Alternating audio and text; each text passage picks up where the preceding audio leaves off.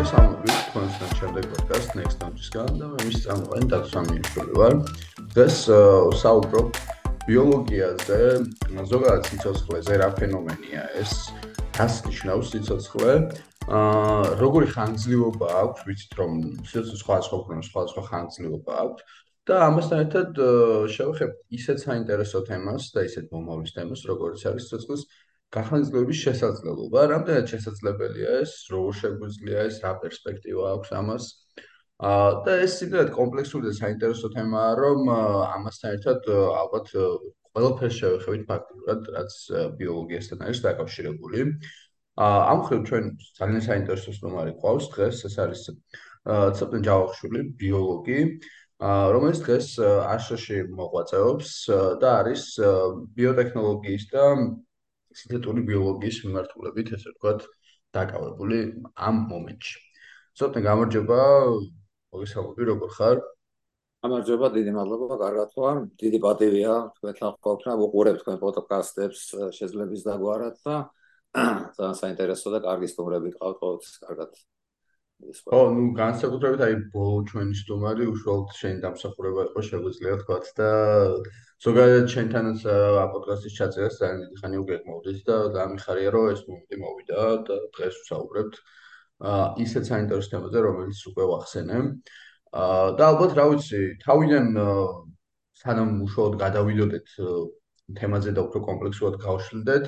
პირველი ალბათ რაც საინტერესოა არის, რომ საერთოდ რა არის, ხო? ანუ სიცოცხლე როგორც ასეთი, საერთოდ გვისმის კი საერთოდ სიცოცხლე რა არის და რა ვიცით ამ ხრივ. გვესმის. საერთოდ სიცოცხლე განმარტება ძალიან ბევრი და ბევრნაირია. აი რაღაცა ასეთი ასე თქვა მონოგრაფიები ვიცი რაღაც რაღაც ასოცნაირი განმარტება ჩამოთვლილი და ზოგიერთი გრძელი ძალიან, იმიტომ რომ იმდენი მახასიათებელი აქვს, რომ ეს ძნელია სადგაჩე. ეხლა მე ვეცდები, რაც შეიძლება მოკლედ თქვა და მაინც ალბათ ერთი 4-5 ასეთი აა მომენტი იქნება განსახილველი. ნუ ზოგადად განმარტება არის, ეს არის ქიმიური სისტემა. ასე თქვა, შერჩევითად იზოლირებული ქიმიური და ღია ერთდროულად ქიმიური სისტემა, რომელსაც აქვს საკუთარი ასლის დამზადების უნარი, თავისი მსგავსის წარმოშობის უნარი. აი აქ შემოდის ორი ძალიან მნიშვნელოვანი მომენტი, რომელიც ყოველთვის ყველა ასპექტში არის გასათვალისწინებელი, რომ აი ეს ასლი, რომელიც მზადება თავის მსგავს, როცა ამზადებს სიცოცხლე, ეს ასლი არასდროს არ არის ზუსტი. აჰა. ეს უზუსტობა, რაშიც თქვა ეს არ გავს თავის თავს, ყოველთვის არის შემთხვევით. და ეს ასე თქვა ეს ეს ბუნებრივი გადარჩევის შედეგია პრინციპში დარვინიზმის ფუნდამენტი ერთ-ერთი და ამ ეს არის იმიტომ აუცილებლად ასეთი იმიტომ ჩამოყალიბდა სიცოცხლე აუცილებელია მუდმივად შეეგუოს გარემოს ცვლილებებს რაც განუწყვეტლივ ხდება. გარემო მუდმივად იცვლება სიცოცხლე უნდა თავისი მსგავსი შექმნას თუ ეს ზუსტი ასლი თუ შექმნა ის რაღაცნაირ კონფლიქტში მოვა აი ამ ბუნებრივ ცვლილებებთან ამიტომ უნდა დააგროვოს ის ცვლილებები რომელიც მისცემს აი ამ ახალ გარემოსთან შეგუების საშუალებას.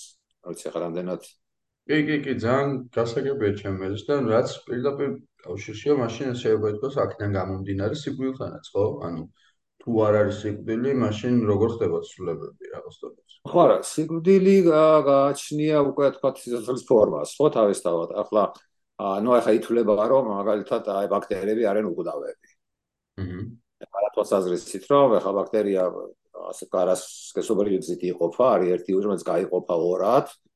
და ეს კიდე იყოფა ორად და იყოფა მუდმივად, ნუ რაღაც ნაწილი იყვე, რაღაც ნაწილი ნაწილი გადარჩება და ნუ ამას ასე ვთქვათ, გარდა აი ასეთი კონცეფციისა, აქვს ასე მატერიალისტური ასეთი საფუძველი, ბაქტერიას აქვს წრიული ქრომოსომა. ასე მეტი გენომი არის წრიული და ამიტომ ამას მუდმივად ასე ვთქვათ, ანუ გამრავლებას როცა ვამბობ, ჩვენ გულისხმობთ, რომ ის სუბსტანცია, რაშიც არის ინფორმაცია ჩაწერილი RNA-ია DNA, იმის რეპლიკაცია უნდა მოხდეს, ანუ ის ასლების დამზადება. ბაქტერიებს, არქეებს ეს პრობლემა არ აქვს, იმიტომ რომ წრიული არის მათი ქრომოსომა და ასე ვთქვათ, ის მუდმივად რეპლიცირებს. აი, როდესაც ყალიბდება უკვე მრავალუჯრედიანი ორგანიზმები და ნუ თქვათ გადავახდით ყველაფერს და პირდაპირ მოვადექით ადამიანს, აქ რადგან ჩვენი ქრომოსომები ასე ვთქვათ ხაზოვანია, აი მათი ასე თქვა აი რეპლიკაციის ანუ გამრავლების დროს ჩდება ეს პრობლემა რა როგორ უნდა დამზადდეს მათი ასე თქვა ბოლოები. ან როცა შენ აი როცა ქრომოსომა მრავლდება ორმაგდება ხო იქ მას ბოლო პატარა ბოლო აკლდება. აღდება იმიტომ რომ ეს უკვე დნმ-ის ერთ-ერთი უცნაური თვისებაა. არ ვიცი ხამაზე როგორ ექნება თუ არა რომ ელაპარაკოთ მაგრამ ეს ფუნდამენტური თვისება არის რაც თავის დროზე ითვლებოდა უცნაურობად მაგრამ მეცნიერებაში უცნაური არაფერი უცნაური ნიშნავს რომ არ იცი რა არის ხო რომ გაიგებ რაც არის ყველაფერი ძალიან მარტივია ამდენად აი ესე ვთქვათ ეს ციკლი როგორც ჩვენი პროგრამის ერთ-ერთი ნაწილი ეს შედარებით გვიანდელი ევოლუციური შენაძენია სიცოცხლის.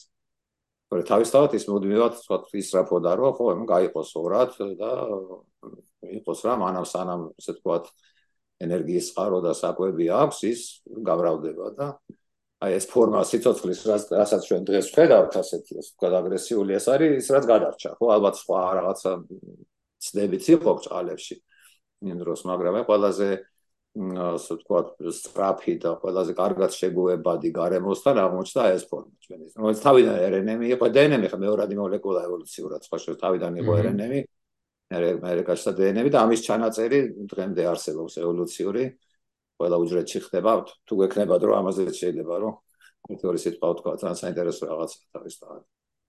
ხო აი ძალიან საინტერესო რაღაც ვიდა ძალიან მინდა რომ მაგაზე შევეხოთ რა. აა უბრალოდ აი ესეთი შეკითხვა გამიშა მაყურებელს მგონია რომ გაუშვებოდა იგივე შეკითხვა რა. ანუ საუბრობთ იმაზე რომ სიტყვაზე ბაქტერია ახსენე როგორ ხდება სიტყვაზე მათ შემთხვევაში ეს და მეორე არის როცა უკვე რაღაც უფრო აა ჩვენს მხარეს ბჭყალებში რა ჩვენი გაგებით სიცხე როგორც გვესმის ანუ რა რაღაც აქეთ როგორ ხდება რა და აი გან ძალიან საინტერესოა ანუ შენ კიდე თქვი ესეთი რაღაც ახლა რომ აა ესო სიკვდილი ეს უფრო შემდეგი ის არის ხო? და ან შეიძლება ყოფილიყო რაღაც დონეზე შე როგორ წარმოგიდგენია სიცოცხლე რომელიც სიტყვაზე არ საჭიროებს ან კომპლექსურ სიცოცხლეს გულისხმობ რა გინდათ მათ შორის აი რაღაცა რომლებიც უჯრედულად იყოფა ამ შემდეგ რა არ საჭიროებს ესე ვთქვათ სიკვდილს რაღაც დონეზე ან ეგ გზა რო ყოფილიყო აი გვაინტერესებს. ალბათ არა ხო ეხლა აბსოლუტურად გამორიცხვართულია მაგისი ვთქვათ მაგრამ ამას თავის თავისი მე მე ესე ვთქვათ მიზეზი აქვს რატომ არის დაპროგრამებული სიკვდილი საერთოდ ასე ვთქვათ ცოცხალ ებრაულოჯერდიანებში განსაკუთრებით იმიტომ რომ რა რა ხდება აა ესე იგი ნების თქვათ აი სახეობა ესე თქვათ აი სახეობა შედგება ინდივიდებისგან ხო? ამ ინდივიდების ასე თქვათ მოვალეობა ბჭალებში ხა ერთ მოვალეობა არ არსებობს ინდივიდებში ხო? მოვალეობა არის ის რომ შექმნა შთამომავლობა და ამ შთამომავლობაში შთამომავლობა არის მისი ასლის დამზადების ფაქტურად დნმ-ის რეპლიკაციის ერთ-ერთი საშუალება და იქ უნდა მოხდეს ეს რაღაც გარკვეული ცვლილებები რომელიც უნდა იყოს შემთხვევით ხო ეხლა დარვინის ფუნდამენტური პრინციპი რა არის? უმარტივესი რაღაცა, რაც ამოძრავებს ევოლუციას, ასე ვთქვათ, ხო, რომ ეს ეს ეს ცვლილებები არის შემთხვევითი, მაგრამ მათი დამემკვიდრება არის კანონზომიერი. ნუ, ამიტომ ეს შემთხვევითი ცვლილებები უნდა გაჩნდეს და უნდა იყოს იმდენი, რომ როცა გარემო იცვლება, სახეობას უნდა კონდეს საშუალება, რომ ასე ვთქვათ, მზად იყოს იმისთვის, რომ შეეგუოს აი ამ ახალ ცვლილებებს, არ უნდა დაშინდეს ამისთვის, ასე ვთქვათ, თავიდან რაღაცის დაწყება. აი მას არ თავისი რაღაც გარკვეული სიხშირე. აი ჩვენი ვთქვათ ადამიანის სიცოცხლის ხანგრძლივობა. თქვათ ეს და ნუ და როგორ რა თქვათ 75 100 წელი დაახლოებით ასე ხო? თქვათ ეს არის სწორედ აი ის რაოდენობა წლების ნუ თუ წლები გავზომა როცა აი ამდე აი ამ სახეობის წარმომადგენლებმა უნდა ასე თქვათ დაამზადონ ასე თქვათ თავისი ასლები რომელიც უნდა იყოს არაზუსტი როგორც თავიდანვე ვთქვით ეს უზუსტობა უნდა იყოს შემთხვევითი რომ შექმნას მრავალფეროვნება იმისთვის რომ სახეობას კონდეს გადარჩენის შანსი ანუ შეგუების უნარი მაშინ როცა გარემო პირობები იცვლება. გარემო პირობები იცვლება მუდმივად, ხო? ფიზიკური, ქიმიური, თავიდან იყო ფიზიკური და ქიმიური ცვლილებების ასე ვთქვათ, მუდმივობა და ამას დაემატა ბიოლოგიური, იმიტომ რომ შენ ახლა უკვე კონკურენტი ყავს სხვა ცოცხალი არსებები, ხო? და აა სპეციალის აი ბოლო ბოლო ხანებში უკვე გამოიკვეთა რომ რასაც ადრე რო ხატავდნენ ევოლუციური ხერო იყო გასოს რომ ქვევით რაღაცები, ბაღლი, ბაღლიჯოები და ზევით ჩვენ რა ტოტებზე ვქანაობთ ეხლა ეგ უკვე აღარ არის, ასე ვთქვათ, საერთოდ აი განვითარებული ფორმა სიცოცხლისა, ჩვენ უფრო განვითარებულები ვართ, ვთქვათ, მიდრე ბაქტერიები, უკვე ნელ-ნელა იცვლება ეს კონცეფცია. ევოლუციურ სქემას უფრო ხატავენ ესე წრიულს. ალბათ გინახავს ეს ხო წრიულად არის დახატული და ხო, იმიტომ მე თუმეტ ეს ახლა გენომების სეკვენირება, ახლა თანამედროვე ტექნოლოგიებმა, სინთეტურმა და გამოთვლითმა ბიოლოგიამ აჩვენა, რომ ხო, ანუ სიცოცხლე ერთგვაროვანი, ახლა დნმ ყველა სიცოცხლ ფორმას ერთნაირი აქვს, ხო? ასე თქვა სიცოცხლის ამბანი 400-იანია, ენა იგივეა და ამის გარდა ყველაფერი, ესე იგი, აი თქვა ენერგიის წყარო ყველგან არსებობს ერთი ეს არის შაქარი, რომელსაც სცენარები ამზადებენ, თქვა, ხო?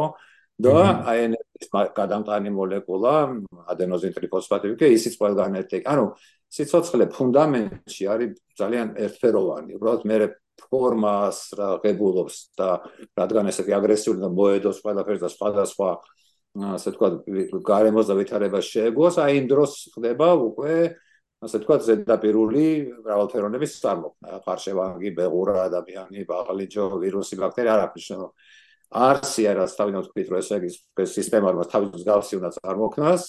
ამ წარმოგავსის წარმოქმნის პროცესში ხდება ეს ორი უნიშნავენესი რაღაცა, რომ აუცილებლად ხდება ეს ცვლილებები, რომელსაც, ნუ, სინამდვილეში ეს არის დნმ-ის რეპლიკაციის დროს დაშვებული შეცდომა, მუტაციას რასაც ეძახის ხალხი, ხო? ეს მოდა ეს ეს აი ეს შეცდომები არის შემთხვევით. ანუ და აქენა გამომდინარე კიდე ერთხელ თქვა აი დარვინი მინდა ვახსენო, იმიტომ ერთ-ერთი ერთ-ერთი რაც აქვს ნათქვამი ძალიან მნიშვნელოვანი იყო ის, რომ აი რა რა მიმართულებით წავა სიცოცხლე, ამაში არ არის უფრო მეტი მიზანდასახულობა, ვიდრე საი დაუბერას ქარი. აი ესე თქვა და ქარსაც კი შეადარა. ნუ ხარ ქარის მიმართულება რაზეა დამოკიდებული? ტემპერატურა, ტენიანობა, წნევა, ხო, ალბათ და რაღაცა ესე თქვა არათანაბარი გათბობა, ისე და ანუ სიცოცხლე ისევე როგორც აი თქვა დინარე რომ მიდის, ხო? ეხლა ანეკით გაუხეს, ანახეთ გაუხეს, რატო? როგორც კი დათვლი ფაქტორებს რატო ხდება ასე, ყველაფერი გასაგებია. იგივე იგივე არის ზუსტად იგივე კანონებს ემორჩილება, თქვა აი არის გამათი რა თერმოდინამიკის კანონებს ხო არ არღვევს სიცოცხლეს ცხადია რომ არ არღვევს იმიტომ რომ თერმოდინამიკის კანონს ვერ დაარღვევს დანარჩენი ეს ყველაფერი არის უკვე უყია ქიმიური სტრუქტურა როგორ მოხდა აი თავის დროზე როგორ რატო ჩამოყალი და ესეთი მოლეკულები და ნუ ესეც დაახლოებით 70 წლის წინ გაიყვა ესეთ ცნობილ ექსპერიმენტში მილერურეის რომ არაორგანულიდან ორგანული მოლეკულები ძალიან ადვილად წარმოიქმნება ანუ რეალურად შეგვიძლია ეს რაღაც ორი სიტყვით რო ვთქვათ სიკვდილი ეოდ იმისთვის არის რომ სიცოცხლემ მოახერხოს რო რამე ადაპტირება ყოველთვის გარემო პირობებთან ხო? ანუ იმიტომ რომ ხა წარმოვიდგინოთ პირობითა და რაღაც სიცოცხლის ფორმა მაგალითად ნუ დავუშვათ მღრნელები რაღაცა რომლებიც რო გაჩნდა არ ყვდება და მას შეუძლია რომ შთამომავლობა გააჩინოს რა სიტყვაზე რა გააჩენ შთამომავლობას ჩაოლებრივ მაგრამ აა ამის პარალელად ეს შთამომავლობაც არ ყვება ანუ შესაბამისად შეიძლება რომ ანუ რაღაცნაირად თუ დაიწყო ეს ცვლილებები არ მოკვდეს არის რა რომ ვეღარ ვეღარ ადაპტირდეს გარემო პირობებთან ეს სახეობა ანუ მაგრამ მე ხა ესეთ შეკითხვა გამიშტე ხა რატო ძალიან უხეშად რო თქვა რა ანუ ხო შეიძლება რომ ახალი თაობები ახალი თაობები. ესენი განიცდიდნენ ცვლილებებს პირობითად რა. ის ძველი არ მოკვდეს რა პრობლემა მაგრამ ახალი განიცდიდეს ან იქ ხდებოდეს ეს ცვლილებები. ანუ სიკვდილის გარშე რატო არ შეიძლება სიტყვაზე ის რომ ახალი თაობა გაჩნდეს სიტყვაზე რა. არა სიკვდილის რატო დგება ასე თქვა იმიტომ რომ აა ესე იგი შენ როდესაც შთამომავლობას დატოვებ შეიძლება ადამიანის მაგალითი ავიღოთ და ნუ თქვა მე შევადარო თავს ეხლა ნუ სიცოცხლე ადამიანის სამი ძირითადი ნაწილისგან შედგება ხო? პირველი მესამედი უხეშად რო თქვა როცა შენ რეპროდუქციულ ასაკს აღწევ ხო? 25-27 წელი დაახლოებით ხო? მაშინ ხარ ყველაზე ამთელი ყველაზე აქტიური. მე დაახლოებით ამდენივე პერიოდი ხარ კარგ ფორმაში და ჯანზე იმიტომ რომ ეს არის როცა შენი შთამომავლობა აღწევს რეპროდუქციულ ასაკს და მესამე უკვე დაღმართში მიდიხარ ამის მერე. ესე იგი, შეროდესაც ამ ამ ასე ვთქვათ, აი ამ ცვლილებებს დატოვებ, დაუტოვებ ევოლუციას. ნუ ხა ეს ყველაფერი წყალებში, როცა შე რაღაცას ვამბობთ, რასაც რაციონალურობის ისა, ასე ვთქვათ, მომენტი ჩავთვალოთ, რომ ყველაფერი წყალებში ევოლუციას აფერი არ აინტერესებს, ეს პროცესი მიდის უბრალოდ. ანუ შენ ამის შემდეგ აღარ ახარ სადიო. ხო და ამდენად თვითონ სიკვდილი კი არ არის დაპროგრამებული დაპროგრამებულია აი სიცოცხლის შენარჩუნების ასე თქვა შეწყვეტა ის ის ინარჩუნებს და ანუ ადამიანი თქვა იწყებს და განვითარებას ერთი უჯრედიდან ხო? აჰა გვერდსხულიდან ერთიდან და ახლობთ ეს 50 ჯერ იყოფა ეს არის 10-13 ხა ეს რაღაც 30 ტრილიონი უჯრედისგან შედგება. თითოეულ უჯრედში თელი ჩვენი გენომი არის ჩახვეული ჯამში ძალიან გრძელი რაღაცა არის. ხო და აი ამ უჯრედების დაყოფის დროს ხდება აი ამ ქრომოსომების ასე ვთქვათ აი ამ ბოლოების შემოკლება და ბოლოს უკვე აღარაა გაყოფის უნარი. გაყოფის უნარი როცა აღარ აქვს მაშინ უკვე ვითარდება ასე ვთქვათ უჯრედული დონის პათოლოგია აი ქრომოსომები ერთმანეთს ებმიან და არეულობა ხდება და ეს უჯრედი ამ დროს ჩართავს აპოპტოზს. უჯრედს თვითონ აქვს უკვე აქტიური თვითკვლობის პროგრამა, ხო, აპოპტოზი რასაც ქვია. ხო. პრობლემა ის არის, რომ თუ აი საქმეში რომ აი ეს პროცესები რაც ასე თქვა ისე ჟღერს უდათ რა, აი უჯრედს კლავს და რაღაცა ეს ყველაფერი არის მოშლილი აფთვისებიან უჯრედში. აფთვისებიან დაავადება არის სწორედ აი ამ პროგრამების მოშლის შედეგი. აჰა. ეს ეს პროგრამების დაავადება, ეხა ეს სხვაგვარად ესეც 60-იან წლებში გაიყვა ეს სუპერ რევოლუცია მოხდა ფაქტიურად ეს რაუსის სარკომის ვირუსის ბუნება როცა გაიშში პრობლემა გაიყვა რომ აი ავტისებია და თქვა საკომას და ყველაფერს და კარცინომების განსაკუთრებით პირველი მოდელები იყო ჩვენი საკუთარი გენების დერეგულაცია იწვევს ანუ არაფერი გარედან არ მოდის ასე თქვა ნუ რაღაც რამდენიმე შემთხვევაში უმრავლესი უმრავლესობა ავტისებიან დაავადების არის სწორედ ჩვენი გენების მოსვლის შედეგი და ანუ ირონიულად როგორც ვქია ამას ქვია უჯრედის უჯრედის გაუკვდავება ანუ იმორტალიზაცია ასე თქვა უჯრედი უნდა უკვდავი გახდეს იმისთვის რომ ვთქვათ აი ნეოპლაზია განავითაროს ხო? აი ხა არის ცნობილი ეს უჯრედის ხაზე ჰელას უჯრედი რომელიც დღემდე ასე ვთქვათ იზრდება გაუჩერებლად ეს ჰენრიეტა ლაკი ყურტი კალიმისი ასე ვთქვათ უჯრედები არის შენახული და თქო ყველა ლაბორატორია მუშაობს ახალ სოფლიოში.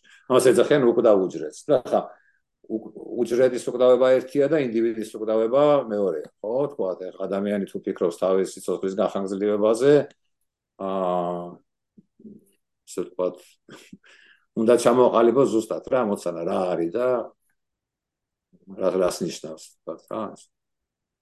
ხო, თუმცა ხო არსებობენ რაღაც სოციალური ორგანიზმები, რომლებიც ან დიდხანს საცხოვრობენ, ან არის ეს შემთხვევა, რომ ფაქტიურად რაღაცა აი ერთ-ერთი ჯელიფიშარი მე მგონი რომელიცაც რომელიც ფაქტიურად არ ყურება რა სულ ანუ ცოცხალიაო რა აი რაღაც ხო, ალბათ ის ის ის ეს ფორმი მას გადადის, ციკლებს გადის, ხო? ხო, ახლა ხო, საქმეა რომ ადამიანი ხო, ადამიანი აა თქვათ აა ესეთი ადამიანი ყველაფერი უნდა ისწავლოს.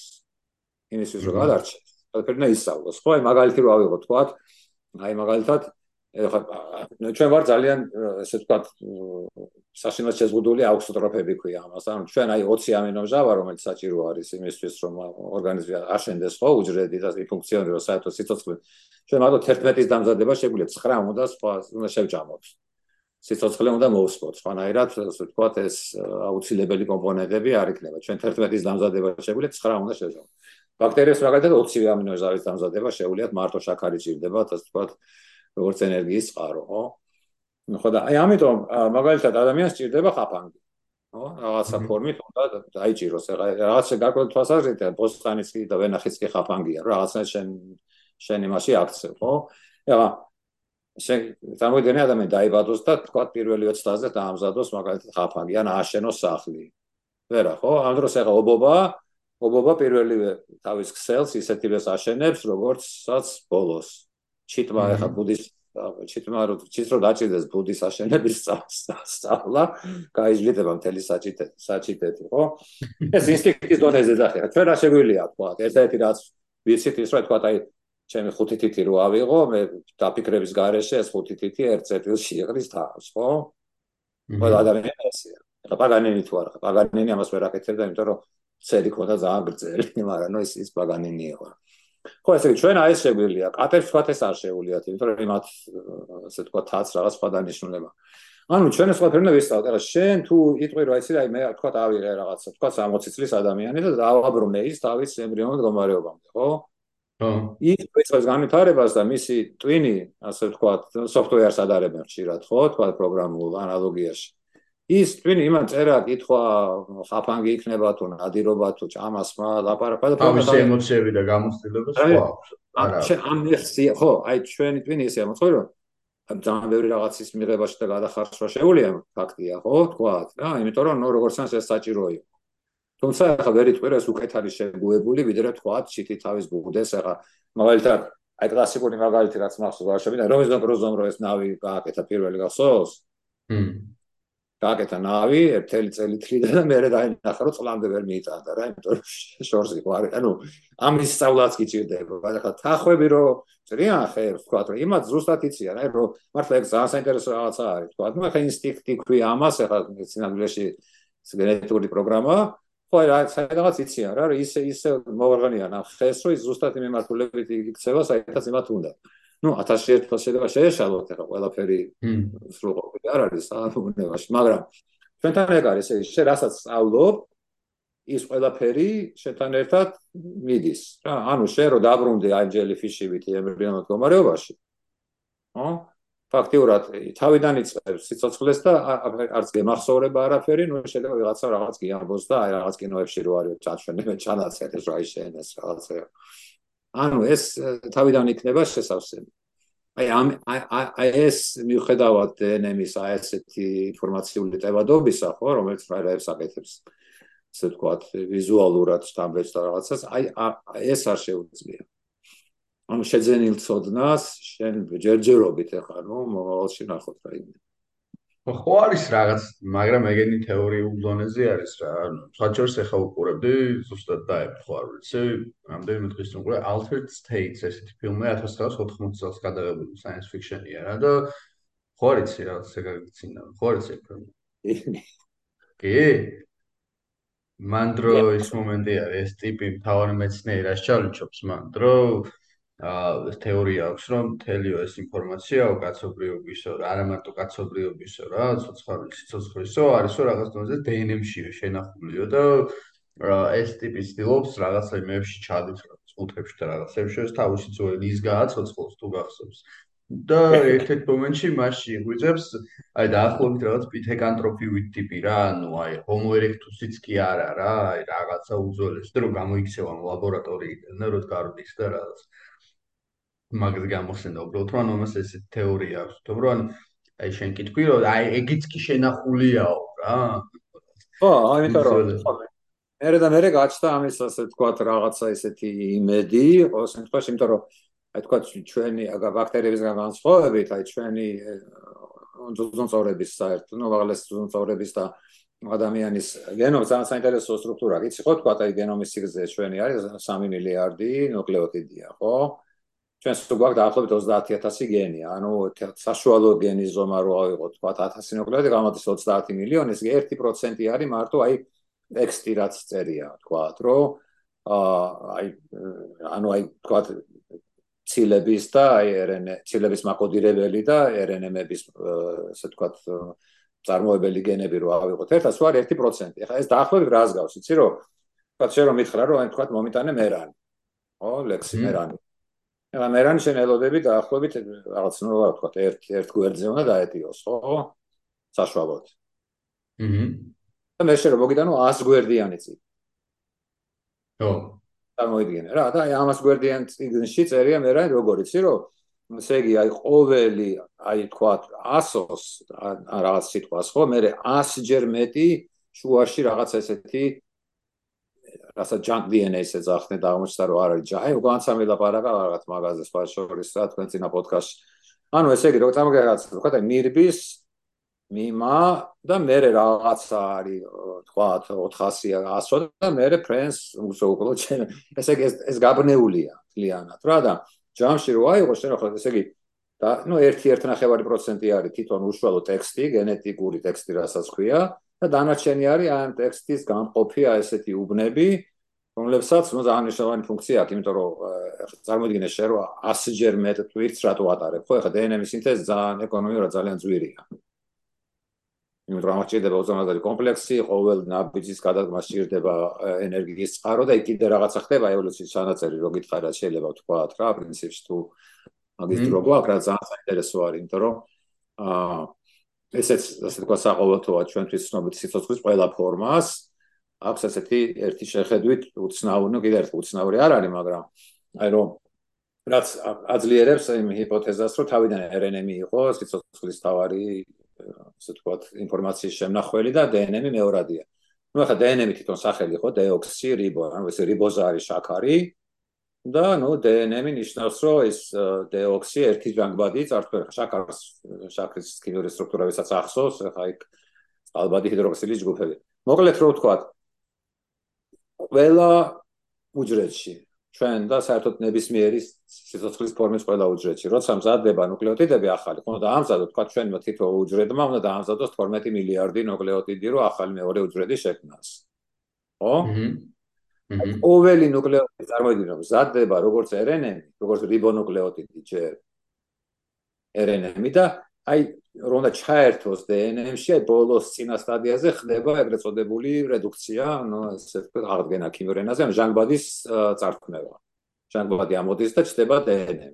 ესე იგი, რნ როგორც რნმ ისე მწიფდება და რომ და ჩაერთოს უკვე დნმ-ის ზარდ ჯაჭვში, იქ ხდება ამ ჟანგბადის ეხლა ჟანგბადის წარქმევა სტაბილური მოლეკულიდან არ არის მარტივი საქმე. ამაში 4 ფერმენტი რო ნახო ეს გზა იმდენ რთულია რომ ვერც აი მართლა წარმოსა წარმოდგენა ჭირდა ამისი რომ როგორ არის რომ ხდება რატო რატო ხდება ასე ხო და აი ესე იგი ეს მოხდა 3 მილიარდ ნახევარი წლის წინ რომ მოიდგინე ხო დროის რა ვიყოთ ხო ესე იმიტომ რომ RNS RNS ედროულად აქ ინფორმაციის შენახვის რეპლიკაციის ანუ ასლის დამზადების და კიდე ფერმენტის ფუნქციის შესრულება. იმიტომაც არ არის სტაბილური. ხა DNM მაგალითად ქიმიურად სტაბილური ეს არის ქიმიურად არის ძალიან პასიური და ამიტომ არის ფიზიკურად სტაბილური. ამიტომაც შეირჩა.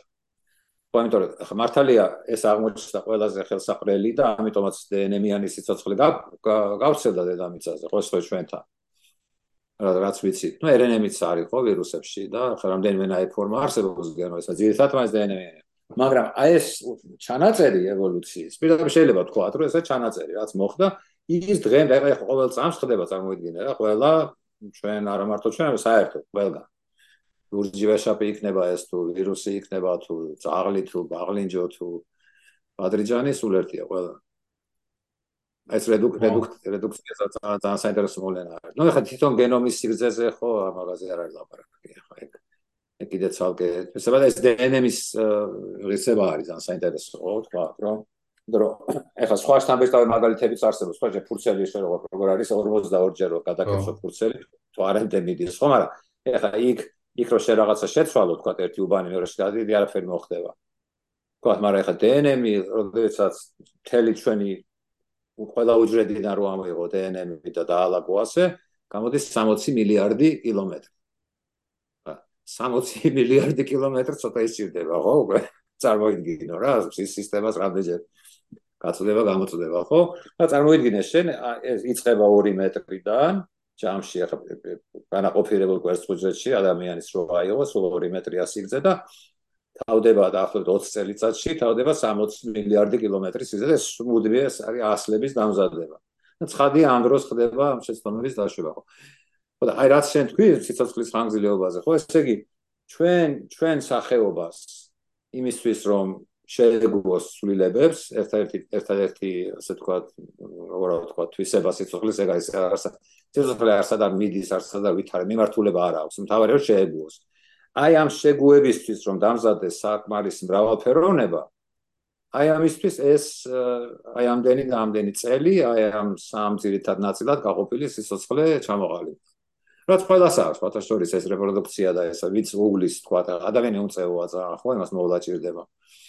ეხლა ნუ ეხლა თქვა თაგვებთან სვანაირად არის თევზებთან სვანაირად არის ასე შემდეგ. რა ჩვენთან ეს აღმოჩნდა საჭირო ამდენად ხო და ეს ეს რო არის ჰეფლიკის ცნობილი ლიმიტი ხო? თქვა ის ის სხვა სტელომერების აღმოჩენამდე იყო. ჰეფლიკი მიხვდა რომ რაღაც რაოდენობა რომ რამდენჯერმე რო გაიყოფა უჯრედი მე რა გაყოფის უნარს კარგავს. ასე უნარს კარგავს როგორ? ის კი ცდილობს მაინც გაყოფას რა მაგრამ სრულფასოვან თავის გენომს ვეღარ ვეღარ აკოპირებს იქ იწყება სწორედ აი ეს ქრომოსომების შეერთება იმიტომ რომ ეს ტელომერები თავი და მაშინ იყო გასწრა რომ ახლა ტელომერაზე შეიძლება ვთქვა თუ ეს ტელომერები თუ დავამატეთ მაშინ გავახანგრძლივოთ მაგრამ საქმე იმაში რომ ეს ტელომერაზა სისტემა რომელიც ამ ტელომერებს არ ამცირებს ხო? ეს არის პირველი მტერი ჩვენი ჯანმრთელობის იმიტომ რომ ათვისებიანი აგრესიულ კარცინომების უმრავლესობაში ტელომერაზა ჩართულია რა იმიტომ რომ ეს უჯრედი მუდმივად უნდა იზრდებოდეს ხო? ეს არის რა. ანუ რეალურად ეხა რაღაც უფრო გადავდივართ ალბათ იმისკენ ხო? აი სიბერის ფენომენზე როგორ ხდება რეალურად სიბერე რა? ხო და პროგრამები ნუ ჩვენ გენომში ასე წერია რა ეს პროგრამა. ეხლა და კიდევ ერთხელ რაიწოს უშუალოდ რა? აი მაგას მომ რეალურად რაიწოს შიგნიდან ამოვლენებს? ჩვენ კი ხედავთ გაერდან რო აი რაღაცა სხეული თითქოს ბერდება ენერგია ნაკლებია მაგრამ რეალურად ეს პროცედურები რა რა ყვაბელებს ხო ნუ ერთ-ერთი მთავარი არის რომ აი ეს სწორედ ეს ტელომერების ნუ ეს ეს არის კონსოლის ბოლო და ახლა რო რას შეიძლება შევადარო და თასმას რო ბოლოს ისა რა ლითონის ის შემოცმული ხო რომ იცავს ბოლოს. აი ეს ტელომერე ტელომერა იცავს ქრომოსომას იმიტომ რომ უჯრედი როგორც დნმ-ის რეპლიკაციის დროს ხდება ხოლმე გახლეჩა და მთელი სისტემა არის ყველა ყველანაირ უჯრედში ბაქტერიებიდან დაწყებული რომ როგორც კი ეს დაინახავს ორ გაყოფილდნენ და შეაერთოს ერთმანეთთან და ეს რო არ აერიოს თუ ჩვენი ქრომოსომები რო არ შეაერთოს ამიტომ არის სტელომერა იქ დაცული ხო? როდესაც უჯრედი როდესაც ქრომოსომა იყოფა ეგ არის ერთი პრობლემა ესეც დნმ-ის რეპლიკაციის ბუნების გამო. რა იმიტომ რომ როგორც იცი რომ დნმ-ის რეპლიკაცია ხდება დნმ-ი ხო ორი ჯაჭვია ანტიპარალელური ხო? ასე ვთქვათ ანტიპარალელური და რეპლიკაცია მარტო ერთი მიმართულებით მიდის, იმას ეს 5 პრიმე, 3 პრიმე. ანუ ერთი ჯაჭვი დასინთეზდება ბოლომდე, მაგრამ მეორე ჯაჭვს ყოველთვის აყლდება რაღაცა პატარა, იმიტომ რომ აი თქვა აი ამ კომპლექს რომელიც დნმ-ის რეპლიკაციას ახდენს, ეს საინტერესო თვისება, რეაქციის დაწყება არ შეუძლია, RNA-ი ჭირდება როგორც პრაიმერი, პრაიმერი ქვია, პატარა მოლეკულა უნდა დაჭდეს და იმის მერე უნდა დაიწყოს ამ დნმ-ის სინთეზი. ხო და ბოლო ქრომოსომის ბოლოში რო ჯდება, რო წარმოვიდგინოთ, თქვა აი ჯდება ეს პრაიმერი, მე ამ პრაიმერი პრაიმერი RNA-ი ესეც საინტერესოა რა, რო თქვა DNM-ის სინთეზი იწყება RNA-ით ჯერ და ანუ RNA-ი უნდა იყოს და მე აშენდეს DNM. აი მისი შესვლა რო მისი შესვლა ვერ მოხდება უკვე და ის კარგავს სიგრძეს და შესაბამისად რო იყოფა იყოფა იყოფა ეს ტელომერები კლებულობს და ბოლოს უკვე ვეღარ არ ხდება რეპლიკაცია. ესენი ესე თქვა ერთმანეთს ეწებებიან რამდენიმე ქრომოსომას რომ მიეწევოს უკვე უჯრედი ზიანდება და ამ დროს ირთვება აპოპტოზი პრობლემა ეს უჯრედი ნელ-ნელა ასე ვთქვათ ბერდება თავს იგლავს და ახლა ეს რო ყველა უჯრედს მოუვა მე ასე ვთქვათ ასე ვიია რომ ამ საქმეს ვერ ამიტომ აი როცა გახანგრძლივებაზე არის ლაბორატორია ეს ყველას უნდა ცხადია რა დიფრენციის პროცესი ჩვენ ევოლუციის ევოლუციასთან სინქრონიზებულ მასში ვართ რა ასე ვთქვათ პროგრამაში. და აი ამას უნდა შევხედოთ თქვათ რომ აი ამას რო ცდილობთ, აი რას რა რა შეზღუდვებს ასე თქვა ვეჯახე, ფრეიმვორკი რა არის, ჩვენი სამუშაო სივრცე, ხო, იქიდან გასვლა გვინდა ფაქტიურად რა, აი. მანდ არის ძალიან ბევრი რაღაც მოსაფიქრებელი. მაგრამ თანამედროვე ტექნოლოგიები ხა ისე ისე სწრაფით ვითარდება, რომ ამას რაღაცას რაღაცას ნახავთ რა, მაგრამ. ხო, ანუ ერთია რომ ვერდებით და აი პროცედურა დაახლოებით მაგაზე ისაუბრე შენ, მეორეა რომ რას ვაკეთებთ? მაგ ხრივ რა იგივე ძალიან საინტერესო ანუ რეალოდ მაგიდან რომ გავახციოთ ანუ აი მაგ კვლევებზე რა შეგვიძლია ვთქვა და რამდენად ოპტიმისტურად ან პესიმისტურად შეიძლება შევხედოთ მაგას ან დღეს რაც ხდება რა და აი ძალიან ხშირად არის ხოლმე ხო? ანუ რეალოდ აი მე პირადად ჩემს სამსხვილიდან გამომდინარე ძალიან ხშირად მიგდებს მაგას ყოველ რა ვიცი ერთი თვე არ გავა რომ რაღაცა კვლევა არ დაიდეს საკმაოდ ისეთი საინტერესო და მნიშვნელოვანი იმ კუთხით, რომ საკმაოდ ავტორიტეტულ სამეცნიერო პლატფორმებზე ქვეყნდება ეს კვლევები.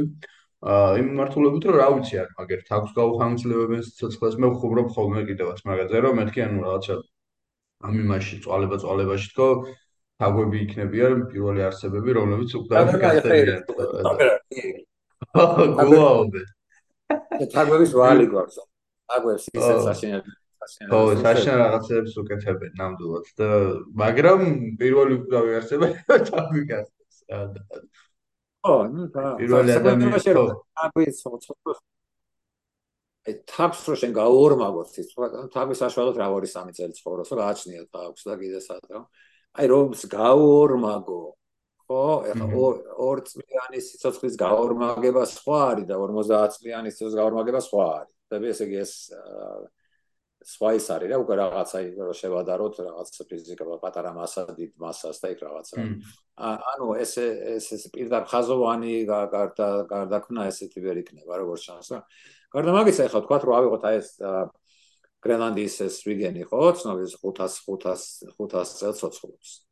ეხლა ცოცხლობს რაღაც რატო ეხლა ისიც ასე თქვა არის ცივწყალში, მეტი მეტაბოლიზმი ნელია, საჭმელია, ისეთია აქ რაღაცა და იქ ცვლილებები ისეთია გარემოსი, რომ აი ეს 500 წელიწადში რა შთამ, ესე იგი ამოცანა ისევ ეს არის შთამომავლობის დატოვება, რომელიც ამ გენეტიკურ მრავალფეროვნებას ქმნის, რომ გადარბუნებრივ გადარჩევას ასე ვთქვათ მასალა კონდეს. ეხლა ჩვენ როცა ლაპარაკობთ ახალგაზრდებაზე, აი რაზე უნდა ვიფიქროთ, იცი რომ აი თქვა ეს სამი ფაზა, ხო? თქვა 25 წელი, 25 წელი და მე რაღაც დავამართი იქით, ხო? აი ეს ეს პროპორციულად გვინდა გავჭიმოთ? ანუ თქვა სკოლაში 20 წლის წავიდეს პირველ კლასში ბავშვი თქვა? თუ აა თქვა ეს პირველი და მეორე ფაზა იყოს როგორც არის და მე სიბერე გავიხანგრძლივოთ რომ რაღაც დავთქვეთ რაღაცეებით. აი აი ეს არის მოსაფიქრებელი. მაგრამ პლუს ეს კიდე არჩევენ ჩვენზეა ამ შემთხვევაში? როგორ არის? აა ნუ ყოველ შემთხვევაში რაც აა აი ხა გეტყვი რა, ხა კრისპერი ხო ყოველას პირზე აკერია ბოლო ხანაში რა, ძალიან კრისპერის ისტორიაში ერთ-ერთი ყველაზე საინტერესო მომენტია თვითონ ტექნოლოგია, რომ ძალიან ძლიერია და იხვეწება და ხა დიდი მომავალი აქვს, ძალიან საინტერესო, ძალიან ლამაზი რაღაცები იქნება სხვა საქმე. საინტერესო არის ის, რომ ჯერ 15 წლის წინ 15 წელი არ არის დიდი დრო, ჩემი თავისთვის ყოველ შემთხვევაში. ის რომ ბაქტერიას ერთუჯრედიან ორგანიზმს ქონდა იმუნური სისტემა, ამის დაჯერება არავის არ უნდოდა. ამიტომ აი მოხიკას და იანსენის და ისინო სტატიები science-მა nature-მა პიენესმა დაიწუნეს ახლა ერთყავენ თავში აგურს მაგრამ იმიტომ რომ ეს იყო რა კონცეფცია რა იმუნური სისტემა ერთ უჯრედს როგორ შეიძლება რომ კონდეს გაიგო რომ აქვს. ჩვენზე უკეთესიც კი აქვს. და უფრო საინტერესო იმ ხრივ რომ შეიძლება ხა ჩემი სისხლი აიღო და ნახო იქ შენი იტყვი თქვა რა ინფექციებს წავაწდიან რაზე ვარ აცილი ხო? მაგრამ თანმიმდევრობას ვერ დაადგე რა ჯერ წითელა მქონდა და მე რაღაც კი ვანახველა თუ რაღაც ხო? და იქ თანმიმდევრობას კი არის ჩაწერილი. რომ როდის რა პათოგენს წააწყდა ბაქტერია და რა იმუნიტეტი გამოიმუშავა თანმიმდევრობას კი ჩაწერილი კატალოგის სახით ხო და გარდა მაგისა ჩვენი იმუნური სისტემა საზღვარია ხო? ეხლა ეს თქვა ჩვენ გვაქვს ნუ აი დავარქვა ტრების კატალოგი. ამიტომ უცნობი პათოგენი რო შემოვიდეს ხო ის იმას იმუნიტეტს ვერ გამომუშავებს ბაქტერიები ნებისმიერ სახის პათოგენზე ესეც ესე თქვა დნმ-ების თვისებაა რა ნებისმიერ პათოგენზე, ნებისმიერ ანტიგენზე, ანტისხეულს, ნუ სხვანაირ ანტისხეულს და არა ჩვენაირს. არა გამომუშავებენ. ხო, აი ეს იმდენად საინტერესო რაღაცა აღმოჩნდა. თქვათ, რომ აი ახლა პარადიგმული ძრა შეიძლება თქვათ რა, რომ ამიტომ ისმის რა არის, რომ შესაძლება ყველაფერია. ახლა ვისე გონა რომ თქვათ პარეზე გავფრინდებოდი. ძალიან ისე ბანალური რაღაც რომ მოვიტანოთ, ხო? მაგრამ ეხლა ამაზე ყოველთვის ოცნებობდა ხალხი, თქვათ, ეხლა შეუძლებელი იყო მანამ სანამ შენ თქვათ რაღაცა სხვა მასალისგან არ დაამზადებდი იქ რაკეტას და ხომალდს. იგივე შეიძლება ითქვას ნავებზე, ხო, თქვათ, ეხლა პირველად რა რაღაცა ფიცარზე იჯდა და უცებ შემთხვევაში თქვა რა რკინის ეგეთი დიდი ანდა შერეკიდებში რო დიდი სახლისოდან აქ ათამეკავსო, თქვათ, ხო? ხო, ანუ შენ თუ მასალა შეცვალე და ჩვენი გენეტიკური კოდის ექსპანსიას რაღაცა მაგ და გვართან კავშირი აქვს, თქვათ. აი მაშინ შეიძლება იფიქროთ, რომ ხო რა უნდა მეთქვა? რა კრისპერთან ჩამოვარდა ლაპარაკი რომ ყველაფერთან ერთად ჩვენ კიდე ამ პათოგენებთანაც გაწონასწორებულები ვართ. ხო სახეობა არის გაწონასწორებული. გარემო მოიცვლება და სახეობაც ასე რაღაცად ქანა მუდმივი არაფერი არ არის. ეს თქვა საბეჭდილება ხალხს აქ ისეთი რომ ევოლუცია მოხდა და ჩვენ აქ მოვედით და ასე არ მოვსულვართ ეს ისე როგორც თების წარმოშობის ის როგორც ეს ნელი პროცესია თვალი ვერ ხედავს ამას ხო?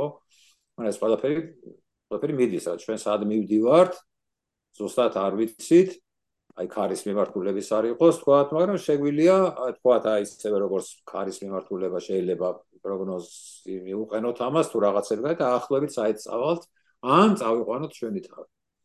აი ეგ არის ძალიან საინტერესო რომ მე უფრო მაგისკენ ვარ ზოგადად რო ანუ მე მგონია რომ რაღაც თონზე უკვე მიყვავს ჩვენი თავი ვიდრე მიყვებით იმიტომ რომ ის გაყოლა ძალიან ნელა ხდება რა თავისით და როცა თავის მიყავ ხარ ამას და ჩვენ რაღაც ესეთი ტექნოლოგიები გამოგვიშთა ხელში მათ შორის CRISPR-ი ვახსენე პირობითად ხო ანუ რაღაცა გენური ინჟინერის მაგრატელს ეძახიან ხო რომელთაც შეიძლება იქ რაღაცები ამოჭრა ჩააშენო და ეს პროცედურა თუ დაჩქარდა რა ვიცი ან შესაძლებელი შეიძლება იყოს ერთ საუკუნეში პირობითად რომ ძალიან ფუნდამენტური ცვლილებები მოახდინო ისეთი რასაც შეიძლება სამყაროს ანუ ევოლუციას მილიარდი წელი დასჭიროებოდა და აი ამ ხრივ ხედავ ზუსტად დაემცის გახანგრძლივების ფენომენსაც რა, ანუ ერთია რომ სიცოცხლე რას აკეთებს, სიცოცხლე არა ზოგადად ბუნება რას აკეთებს და ევოლუცია რას აკეთებს და მეორეა შენს ხელში ეს შესაძლებლობები რომლებიც დღეს ჩნდება და გამოჩნდა რამდენად აჩქარებს ხო ამ პროცედურებს რა და აი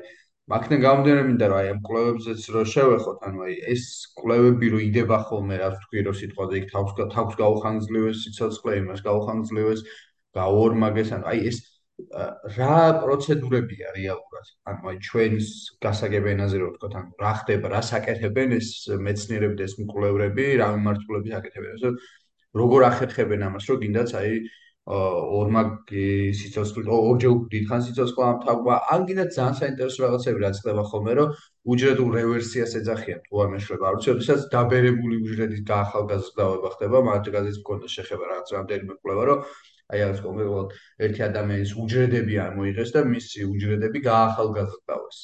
ანუ აქ რა ხდება, რომ ერთია რომ შენ სიცოცხლე გაუხანგრძლივო, მეორეა რომ დაბერებული გაახალგაზრდაო. და აი ეს პროცედურები როგორ ხდება და მე მინდა რომ აი რამდენად პერსპექტიულია რეალურად ჩვენთვის ეს რა მაგასაც რო ვისაუბრე. რა არის? ხო არა, უზარმაზარი მონაცემთა ბაზაც არსებობს პროცესორის aging genes ქვია და ნუ იქ შეხვიდე და დალინკულია ყველა ასე ვთქვათ ასეთ კვლევასთან და მონაცემთა ბაზა პლატფორმები ერთმანეთშია გადახართული ყველაფერი NCBI-ში განსაკუთრებით, იმიტომ რომ რაღაცა გენისის რომ მონახო სახელით იქვე მთელი ამ კვლევების და იმის ლინკები ამოდის. ეხლა როგორ არის იცი რომ ჯამში ასე ვთქვათ აი ხდება აი რაღაცა გენების რეგულაცია. მოკლედ რო ვთქვა და მაგალითად არის თქვა აი ტელომერაზა. ხო აი ტელომერაზას რეგულაცია მაგალითად ჩავრთოთ როცა გვინდა და მე რო გამორთოთ. ხო ახლა ტელომერაზა არის ჩართული თქვა ნორმალ ჩოულებრივ როცა ვითარდება ორგანიზმი, აი ღეროვან უჯრედებში არის ჩართული რაღაც რამდენიმე ესეც სპეციფიური სისხლის უჯრედები, ძირითადად სომატურ უჯრედებში გამორთულია, იმიტომ რომ სომატურ ჩაირთოს, მაშინ მათი ასე თქვა კონტროლი შეუძლებელი იქნება და ნუ ორგანიზმის არქიტექტურა ვერ ჩამოყალიბდება. ასე ვთქვათ, ჰისტოლოგიური არქიტექტურა რა თქმა უნდა, ფსიქოლოგიური. და ძირითადად ხდება ესე იგი გენების რეგულაციის დონეზე. იმიტომ რომ გენომის ასე ვთქვათ, ფუნქციური ერთ ფუნქციური ერთეული არის არა გენი, არამედ გენის რეგულაცია. ყველა გენი თავისთავად არის გენი არის ინფორმაცია ასე ვთქვათ ჩაწერილი რაღაც გარკვეულ ნუკლეინის ჟავაში, ნუ თქვა დნმ-ში. მაგალითად და მე რაღაცა გზა არსებობს ამ ინფორმაციის რეალიზაციის, ხო? ეხლა ეს მთელი 30000-ივე გენი უნდა იმისთვის ჩვენ ეს გავაკეთოთ, უნდა მთელი მთელი გენომის ეს ორკესტრირებული მუშაობა უნდა გავავიოთ. თავისთავად თითოეული ასე თქვა კავშირი ყოველი აი თქვა აი ამ გენებს შორის არაფერი რთული არ არის, მაგრამ ერთად რო გროვდება, ხო, აი ეს არის ხო დაკეცილი ქაღალდის უკვე იმხელა ის გამოდის ქსელი თქვათ, რომ იქ ერთს რო შეეხები, აი სადაც მე გვერდზე რა მოხდება, ის უნდა იცოდე წინასწარ, თქვათ რა. და ამიტომ ეხლა რაც ხდება, ეს შეიძლება შევადაროთ რა, იცი რომ არ ვაკნინებ პირადად რა უკლება მაქვს, შესაძლოა რაღაც არის, მაგრამ აი დაახლოებით რო თქვათ, აი როგორი რაღაცა ვინტი და ბოლტი და რაღაცა გითხონი, რაღაც აი ამ დონეზეა თქვათ, მაშინ როცა თქვათ ასე შენებელი გვაქვს რაღაცა დიდი დიდი ხომალდი თქვა რა თუმცა არ უნდა გავფრინდეთ არ უნდა ოკეანე გადავცუროთ ან რაღაც ეგეთი ვქნა აი ამ დროს ხო შემთხვევაში რაც გამოიკვეთა კლუბში საინტერესო ერთ-ერთი არის ის რომ აი შე რო თქვი ახლა რაღაც იმას უნდა გავარღვიოთ რაღაცა ხო? უკვე სახეობის სახეობის საკითხი დგება ასე თქვა რა. ყოფნა არ ყოფნის კი არა მაგრამ ეხლა ნუ აი homo sapiens-ი სახეობის განმარტება რა არის? თქვა ტრადიციული რომ შეჯვარება უნდა შეეძლოს ორ ინდივიდს და შთამომავლობა უნდა იყოს დაყოფიერი. ხო? აჰა. არის შეჯვარება სხვადასხვა სახეობის შორის, იბადება შთამომავლობა, მაგრამ ის სტერილურია. სახეობა ნიშნავს, ისინი ორი ნებისმიერი ინდივიდი ეჯვარება ერთმანეთს და ტოვებს ნაყოფიერ შთამომავლობას, იმასაც უნარი აქვს შთამომავლობის გაგზელების, ხო? ესეც ერთგვარი დაცვაა რა, იმის, რომ სახეობა თვითონ უნდა თავის გზაზე წავიდეს. აი ეს რა სიტყვა გახაზრებას რაც შეეხება, ციცოცხლისას ხო? აი ამ ამ საკითხს ადგენა, ანუ ჩვენ შეიძლება რომ გავახანგრდევო, შეიძლება ისეთი ცვლილებები დაგჭირდეს გენომში.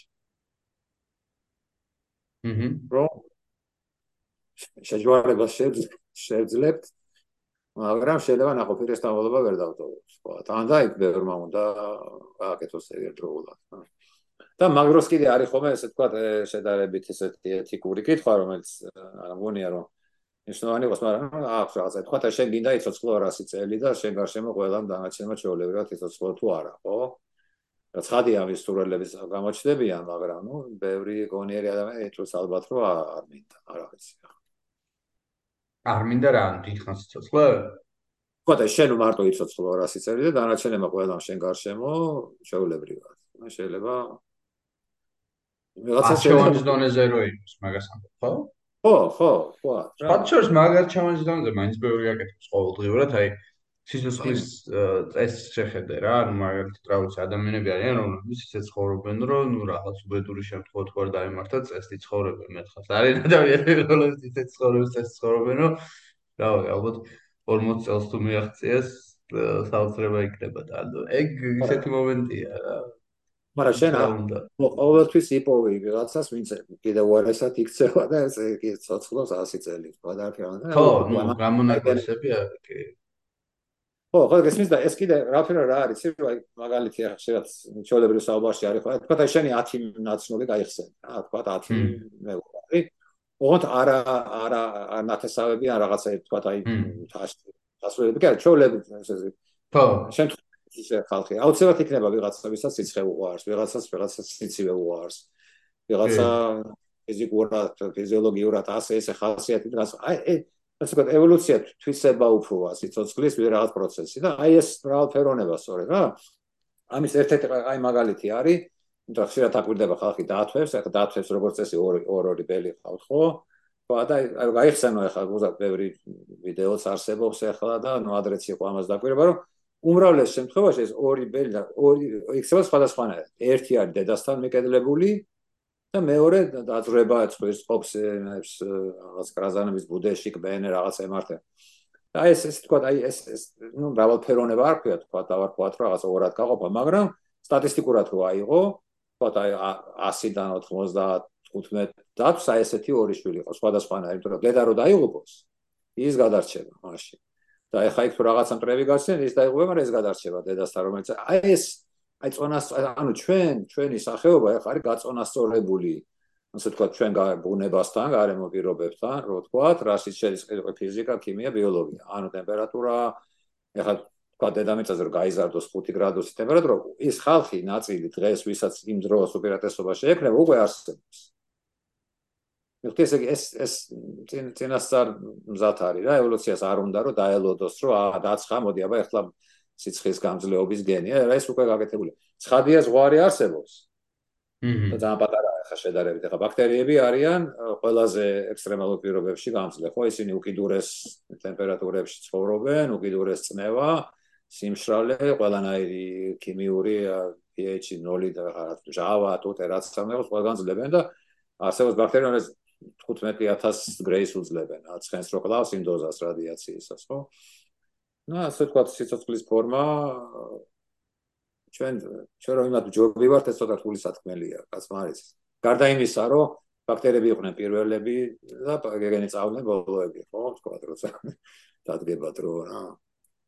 ძალიან საინტერესო რაღაც გრიალოდი ხო რომ ანუ აი ეს დათვის ბერლების შემთხვევაში რა რომ ან ერთი ტიპაჟი შეიძლება იყოს რომელიც დედაზეა მიკერებული ძალიან და მეორე არის ტიპაჟი რომელიც აა რა ვიცი დაძრება და იქ ფუტკრებთან მიდის და თავის თაც შეყოფს და რა რო რისკავს პირობითად რა.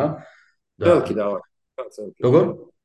სელფი ხო ან რეალურად ჩვენი საზოგადოებაც ხო ზუსტად ეგეთი ინდივიდებისგან შედგება. ზუსტად ხო და მე ანუ ეს საზოგადოება რა ვიცი ანუ ძალიან საინტერესო რატოა იცი რომ ის მაინც უფრო ძალიან ბუნებრივი პროცედურებთან არის რა შეხებაში რა ის დათვისბელი ან ან კარისკაუსი კუტკერის იმას შეყოფას ან დედასთან რჩება მაგრამ შენ ანუ ამ შემთხვევაში ადამიანი რას აკეთებ ხო? ძალიან კომპლექსურ ან კულტურებს ქმნი ურთიერთობებს ქმნი და ტექნოლოგია ან ძალიან საინტერესო პროცედურა არის მაგრამ ტექნოლოგიებთან შედიხარ კომუნიკაციაში ასეთი ტიპაჟით რა.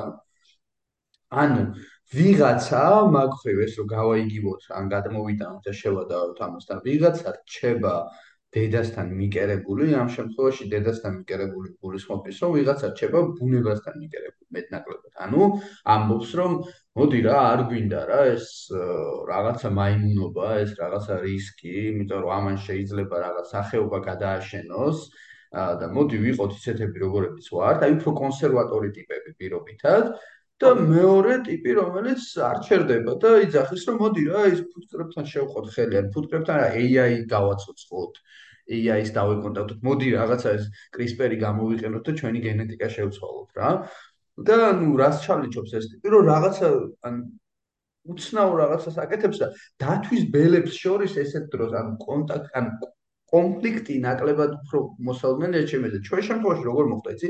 ეს ყველაფერი გადაიზარდა იდეოლოგიებში, შეხედულებებში. აი, მეორე მსოფლიო ომის დაახლოებით რაღაც ეგრე იყო რა, სამად გაიყო პირობითად რა, კაცობრიობა იყო რაღაცა კომუნისტური ხედვა, ლიბერალური კაპიტალისტური ხედვა და რაღაც ამათ შუაში ამოსული რაღაც ნაცისტური ხედვა რა. და სკაპდა დააყარა ამ სამაიმ რა და აი ეხა მე მგონია რომ აი ზუსტად ეხლა ამ მომენტში ეს პროცედურა ყველაზე მეტად არის ეს შეგრძნება ეხა უბრალოდ მაგ ჩამ ოპერაკ ფამაზე რომ პარალელი დავინახე რომ მაგას შეიძლება მიფიქრია რომ ეხლა ზუსტად ის გარდამტეხ მომენტი რომ არც ეს ნაცისტური და კაპიტალისტური და კომუნისტური ის კი არ არის იდეოლოგიის ეხა არის თქოს იმის რომ ერთი ბელი ანუ ერთი მიმართულება იძახეს კონსერვატორული მიმართულება რომ არ გვინდა რა ეს რაღაცეები ანუ მოდი ღმერთმა ესე შევქმნა პირობითად ბუნებამ ესე შევქმნა და გავჩერდეთ და მეორე რომელიც მზად არის იდეაში რაღაც ყველანაირ ცვლილებებზე რომლებიც კაცმა არის ხო რეალურად მართლა რას მოიტევს ხა ის ადამიანები რომლებიც ამბობენ ხოლმე ესენი დაჩიპავენ ამბობენ პირობითად ხო? ამას გვიზამენ. ანუ რეალურად ხო მართლა დავჩიპავთ რა მაგათ რა ანუ გულისხმობ იმას რომ ანუ არა იმ გაგებით ეხა იმათ როგორც ესმით მაგრამ მართლა დაიჩიპება ადამიანი მომავალში ხო? თუ ესე გააგზელდა ჩემი განსახედიდან ეს პოზიტიურია, მაგრამ იმიტომ რომ ბოლო-ბოლო მართლა ეს ხოგენები ეს ტრანსგენერაციული გადაცემა წოდნიო სკოლაში სიარული და რაღაცა, აი ჩავარდება წარსულ, კა, ჩავდა. იმიტომ რომ კიდე ერთხელ რა, ესე იგი ჩვენ მიუხედავად აი ჩვენი ტვინის აი ესეთი განვითარებულობისა, ხო, რომ ჩვენ შეგვიძლია რაღაცა ჩვენ ყოცხოში მაგრამ ეხა აქ რა არის რომ კი ჩვენ უფრო ესეთ ფულ დავარქვათ ამოცანებს ვისახავთ და ხსნით და ვაკეთებთ ვიდრე თქვა ვიღაცა სპრები მაგრამ რამდენად ვართ შეგუებული, თქვა, ჩვენ ჩვენ გარემოზე ისინი რამდენად არიან შეგუებულები, ამაში არანაირი უპირატესობა არ აქვს, აბსოლუტურად. ჯერ ერთი ძალიან ახალგაზრდა სახეობა ვარ. ეს ტვინი რო არ გქონდეს, შენ აი წარმოგიდგენია ადამიანი ვინმესან გაექცეს, ან დაეწიოს, ან ხეზე ავე, ფიშერი ზოგ, ყველაზე სუსტები ვარ ფიზიკურად, ხო?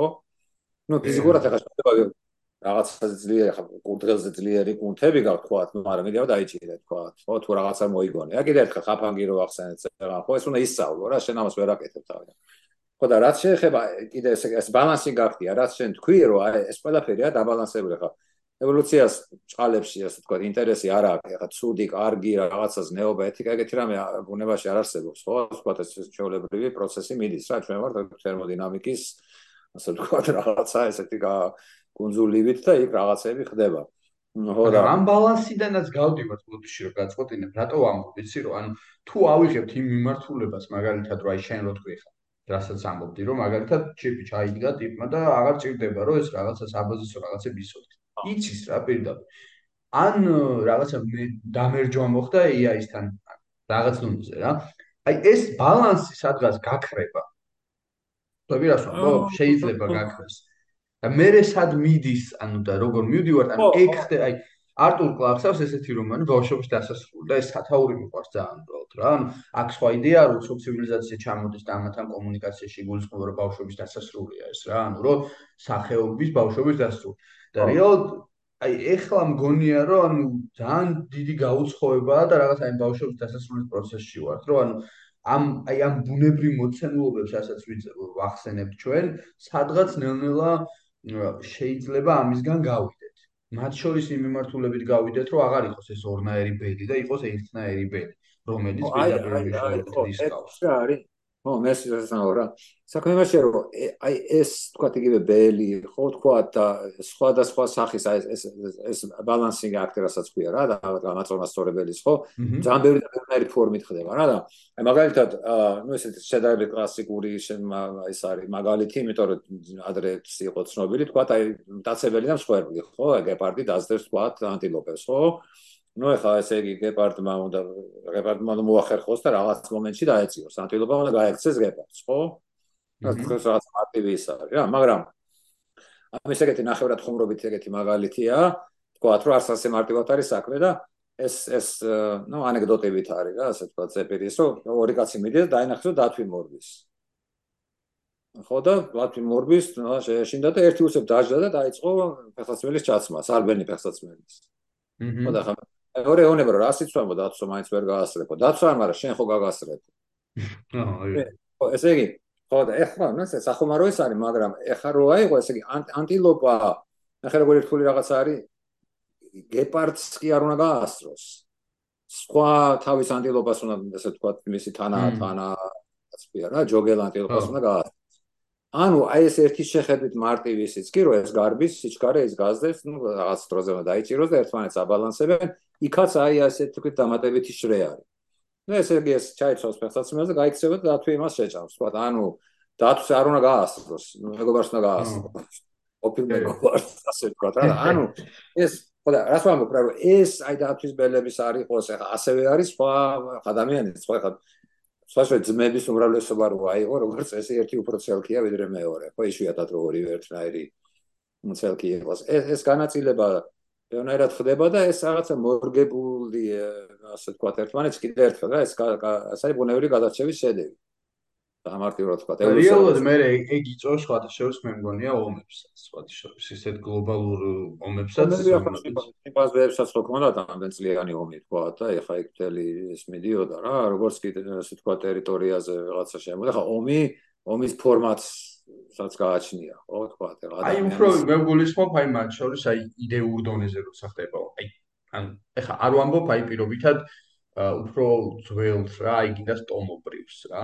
აი გულისხმობ, აი ეხლა ანუ ეხლანდელი ეპოქა რეალურად არის ძალიან დაყოფილი ჩემი აზრით იდეურ დონეზე. ეს იდეურ დონეზე ომები ადრე არ ხდებოდა რა, უფრო. ანუ როგორც ეხლა ხდება, აი მეორე მსოფლიო ომი არის აი მაგის ჩემი აზრით პირდაპირ გამოხატულება, რომ ანუ რა ვიცი, ტიპები შეთანხმდნენ რა, სადღაც შეთანხმდნენ რომ რაღაცა კოლექტივი არის პრიორიტეტი, სადღაც შეთანხმდნენ რომ ინდივიდი არის პრიორიტეტი და სადღაც შეთანხმდნენ რომ ნაცია არის პრიორიტეტი რა. და ნუ რაღაც ამ სამ იდეამ მოიცვა თელი ეს პლანეტა და მე რა ხდება? კაცობრიობა იყოფა სამ ნაწილად და დავაი დააყარეთ რა.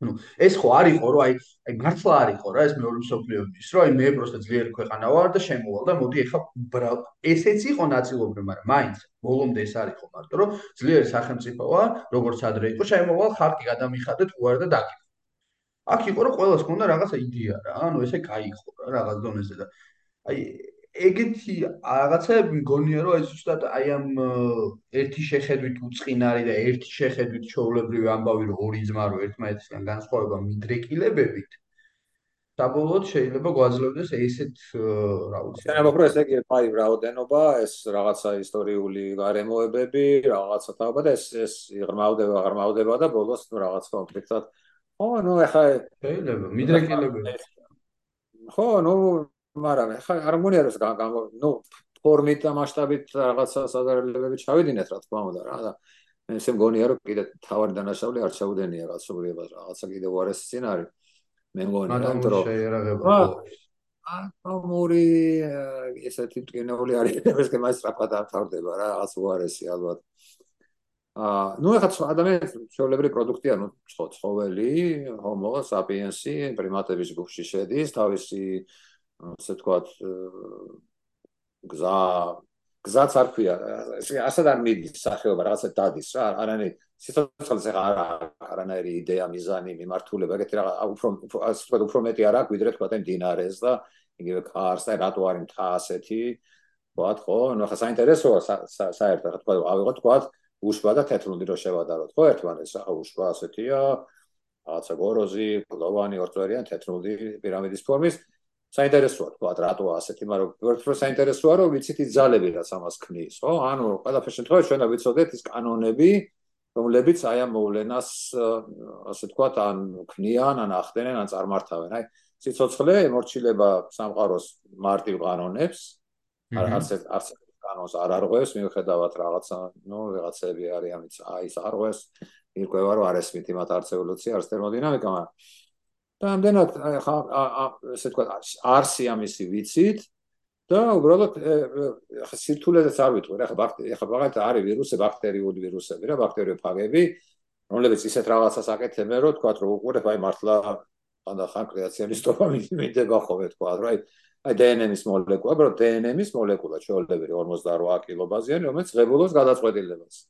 აი როგორც შენ ზუსტად რა თქვა, რომ გადაწყვეტილა თქვა, სადღაც ახვიდე იქ დაჯდე, ან თქვა სადღაც გახვიდე. იმის მიხედვით რა რა ხდება, თქვა ოთახში, ან სახლში, ან სადაც ხარ.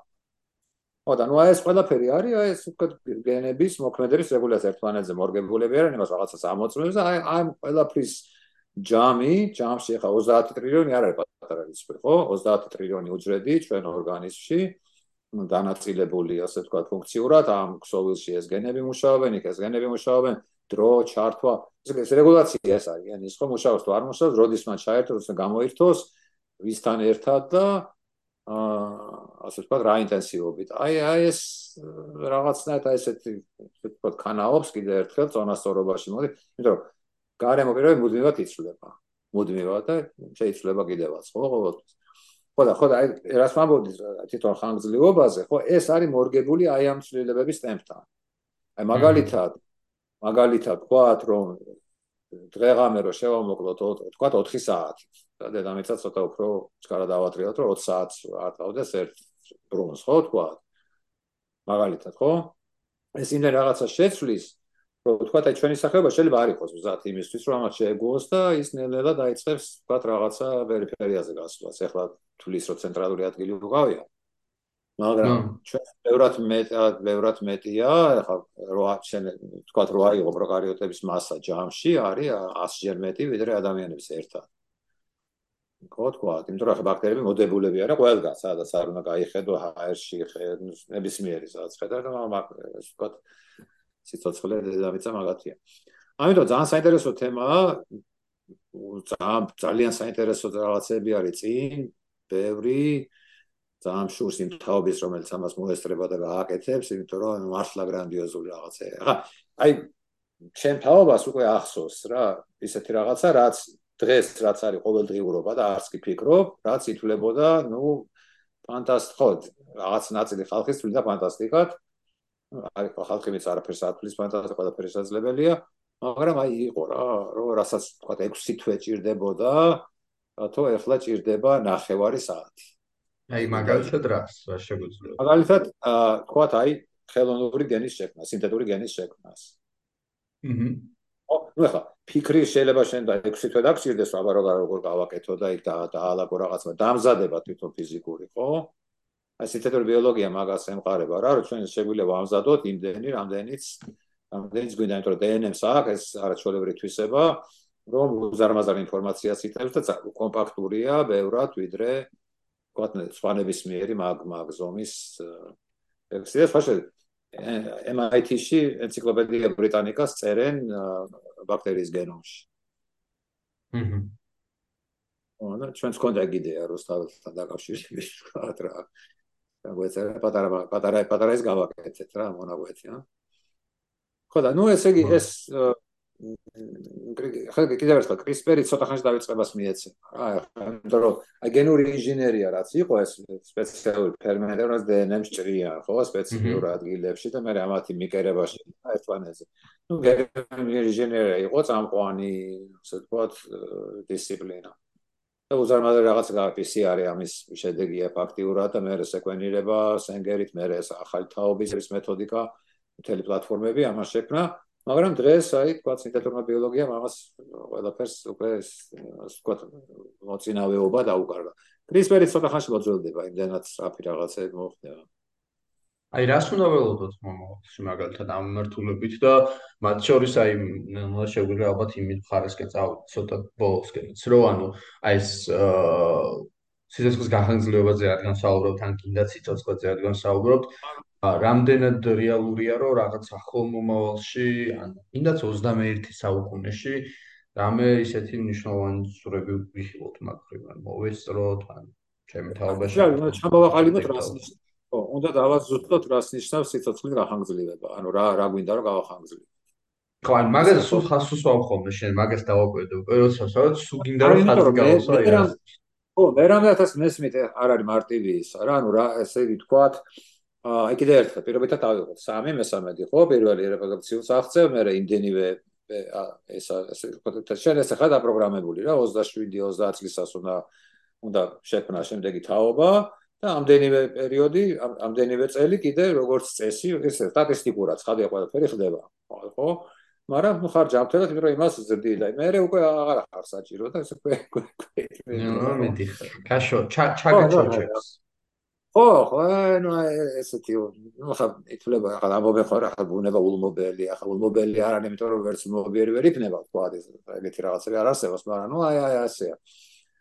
ხო და ნუ ხა თუ მაინც უკვდავებაზე მიდგა საქმე კიდევ ერთხელ ხა ჩვენი ასე ვთქვათ ცოდნა და მეხსიერება და ის რაც არის ეს თუ გვინდა რომ შევინარჩუნოთ, მაშინ ახლა ჯელიფიში და ის არ გამოდგება ჰიდრა, ხო, მაგისტვის.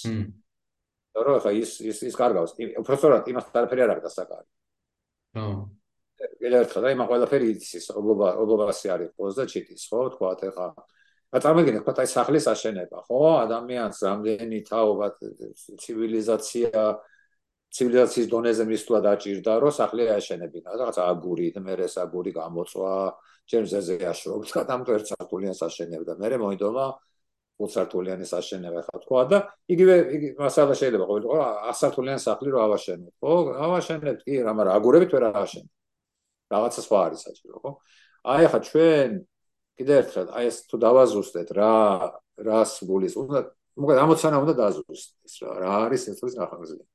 ეხლა რაც არის ყველაზე პერსპექტიული არის რომ თქვა თავისებიან დაავადებაზე თუ გადაბარგას ვერავასაც ვერ ავეცილებთ თავიდან იმიტომ რომ ფაქტიურად თავისებიან დაავადება მუდმივი თანამგზავრია ხა დარვინის კანონებს ემორჩილება უმარტივესაც რო თქვა რა მუტაციები ხდება შემთხვევით და ის ადრე თუ გვიან მოხდება აი ამას ასე თქვა რომ მივხედოთ აი ეს იქნება კარგი ანუ დაიწყება თუ არა მაშინ ვერ გავაჩეროთ ამის შესაძლებლობა რეალური არის დიდი დროა გავა მანდამდე ძალიან და ბიო ბიოინფორმატიკამ უნდა ერთი მინიმუმ ერთი ორბიტით აეციოს ზემოთ. ანუ აი დაახლოებით მეორე ხელზე 13 წელს და აი როგორ წარმოგიდგენია მე პირობითად მაქსიმუმ ამ მიმართულებით რა შეიძლება მოვესწრო ჩემი თაობის ადამიანები.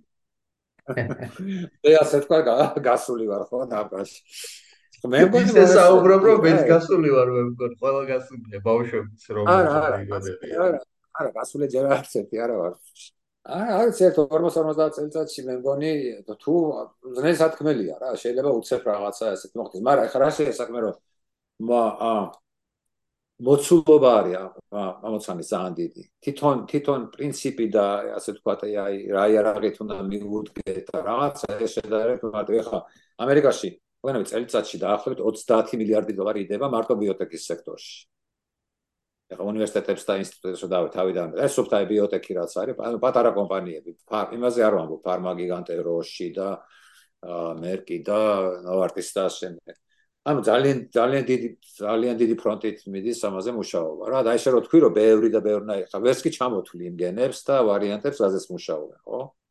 ხო და უკვე მონაცემთა ბაზა იმდენად მონაცემთა ბაზა იმდენად გამდიდრდა რომ ეხლა ტენსივე თქვა მე მახსოვს პირდაპირ გეონები რა 5 წლისი რო შევდიოდი რა ესე თქვა თავისუფლად დავდიოდი რა აი ჯუნგლებში. ეხლა უკვე აა მე კი არ ამგონები იმ შეძლოს რა იმიტომ რომ უკვე შენ შენ სექტორი უნდა ნახო რაღაც რა გაინტერესებს თქვა და იქ შეხვიდე იმიტომ რომ ნუ აი ცუნამი რასაც ქვია რა სუპერ ცუნამი მოდის და მოდის.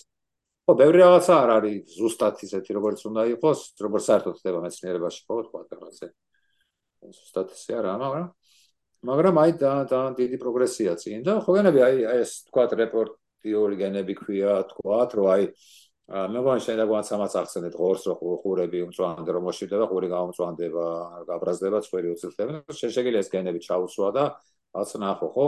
ეხლა მაგალითად როგორც რა ვიცი, ახლა წარმოიდგინე რა თქვა 20 წლის წინ ვის წარმოიდგინა რომ შე რაღაც თქვა ვისაც დიაბეტი აქვს, იმას რაღაცა ფარზე მიკრული და იმის ექიმი ხედავს იქ რა შაქრის იმას, ხო, ეს რო ჭამს ის ხედავს.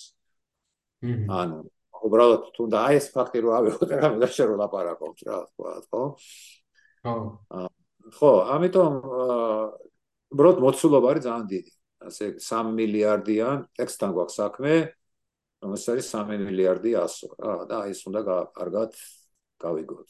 გაშიფრულია, გენომი სეკვენირებულია, სეკვენირდება ეხა პანგენომების ის ჩდება უკვე ასე თქვათ, რომ სეკვენირება აღარც კი არის საჭირო რა, უკვე მოდელები გეხატავენ შენ თქვათ, აი რა იქ რა იქნება და ისი გაკეთება არის საჭირო და როგორ იცი რომ აი პირდაპირ თქვათ რა, იმისთვის რომ თქვათ რაღაც არ მოხდეს, მაგალითად ადამიანმა რაღაცად გაუძლოს უფრო უფრო მდგრადი იყოს თქვა გრიპის ვირუსის მიმართ მაგალითად ხო?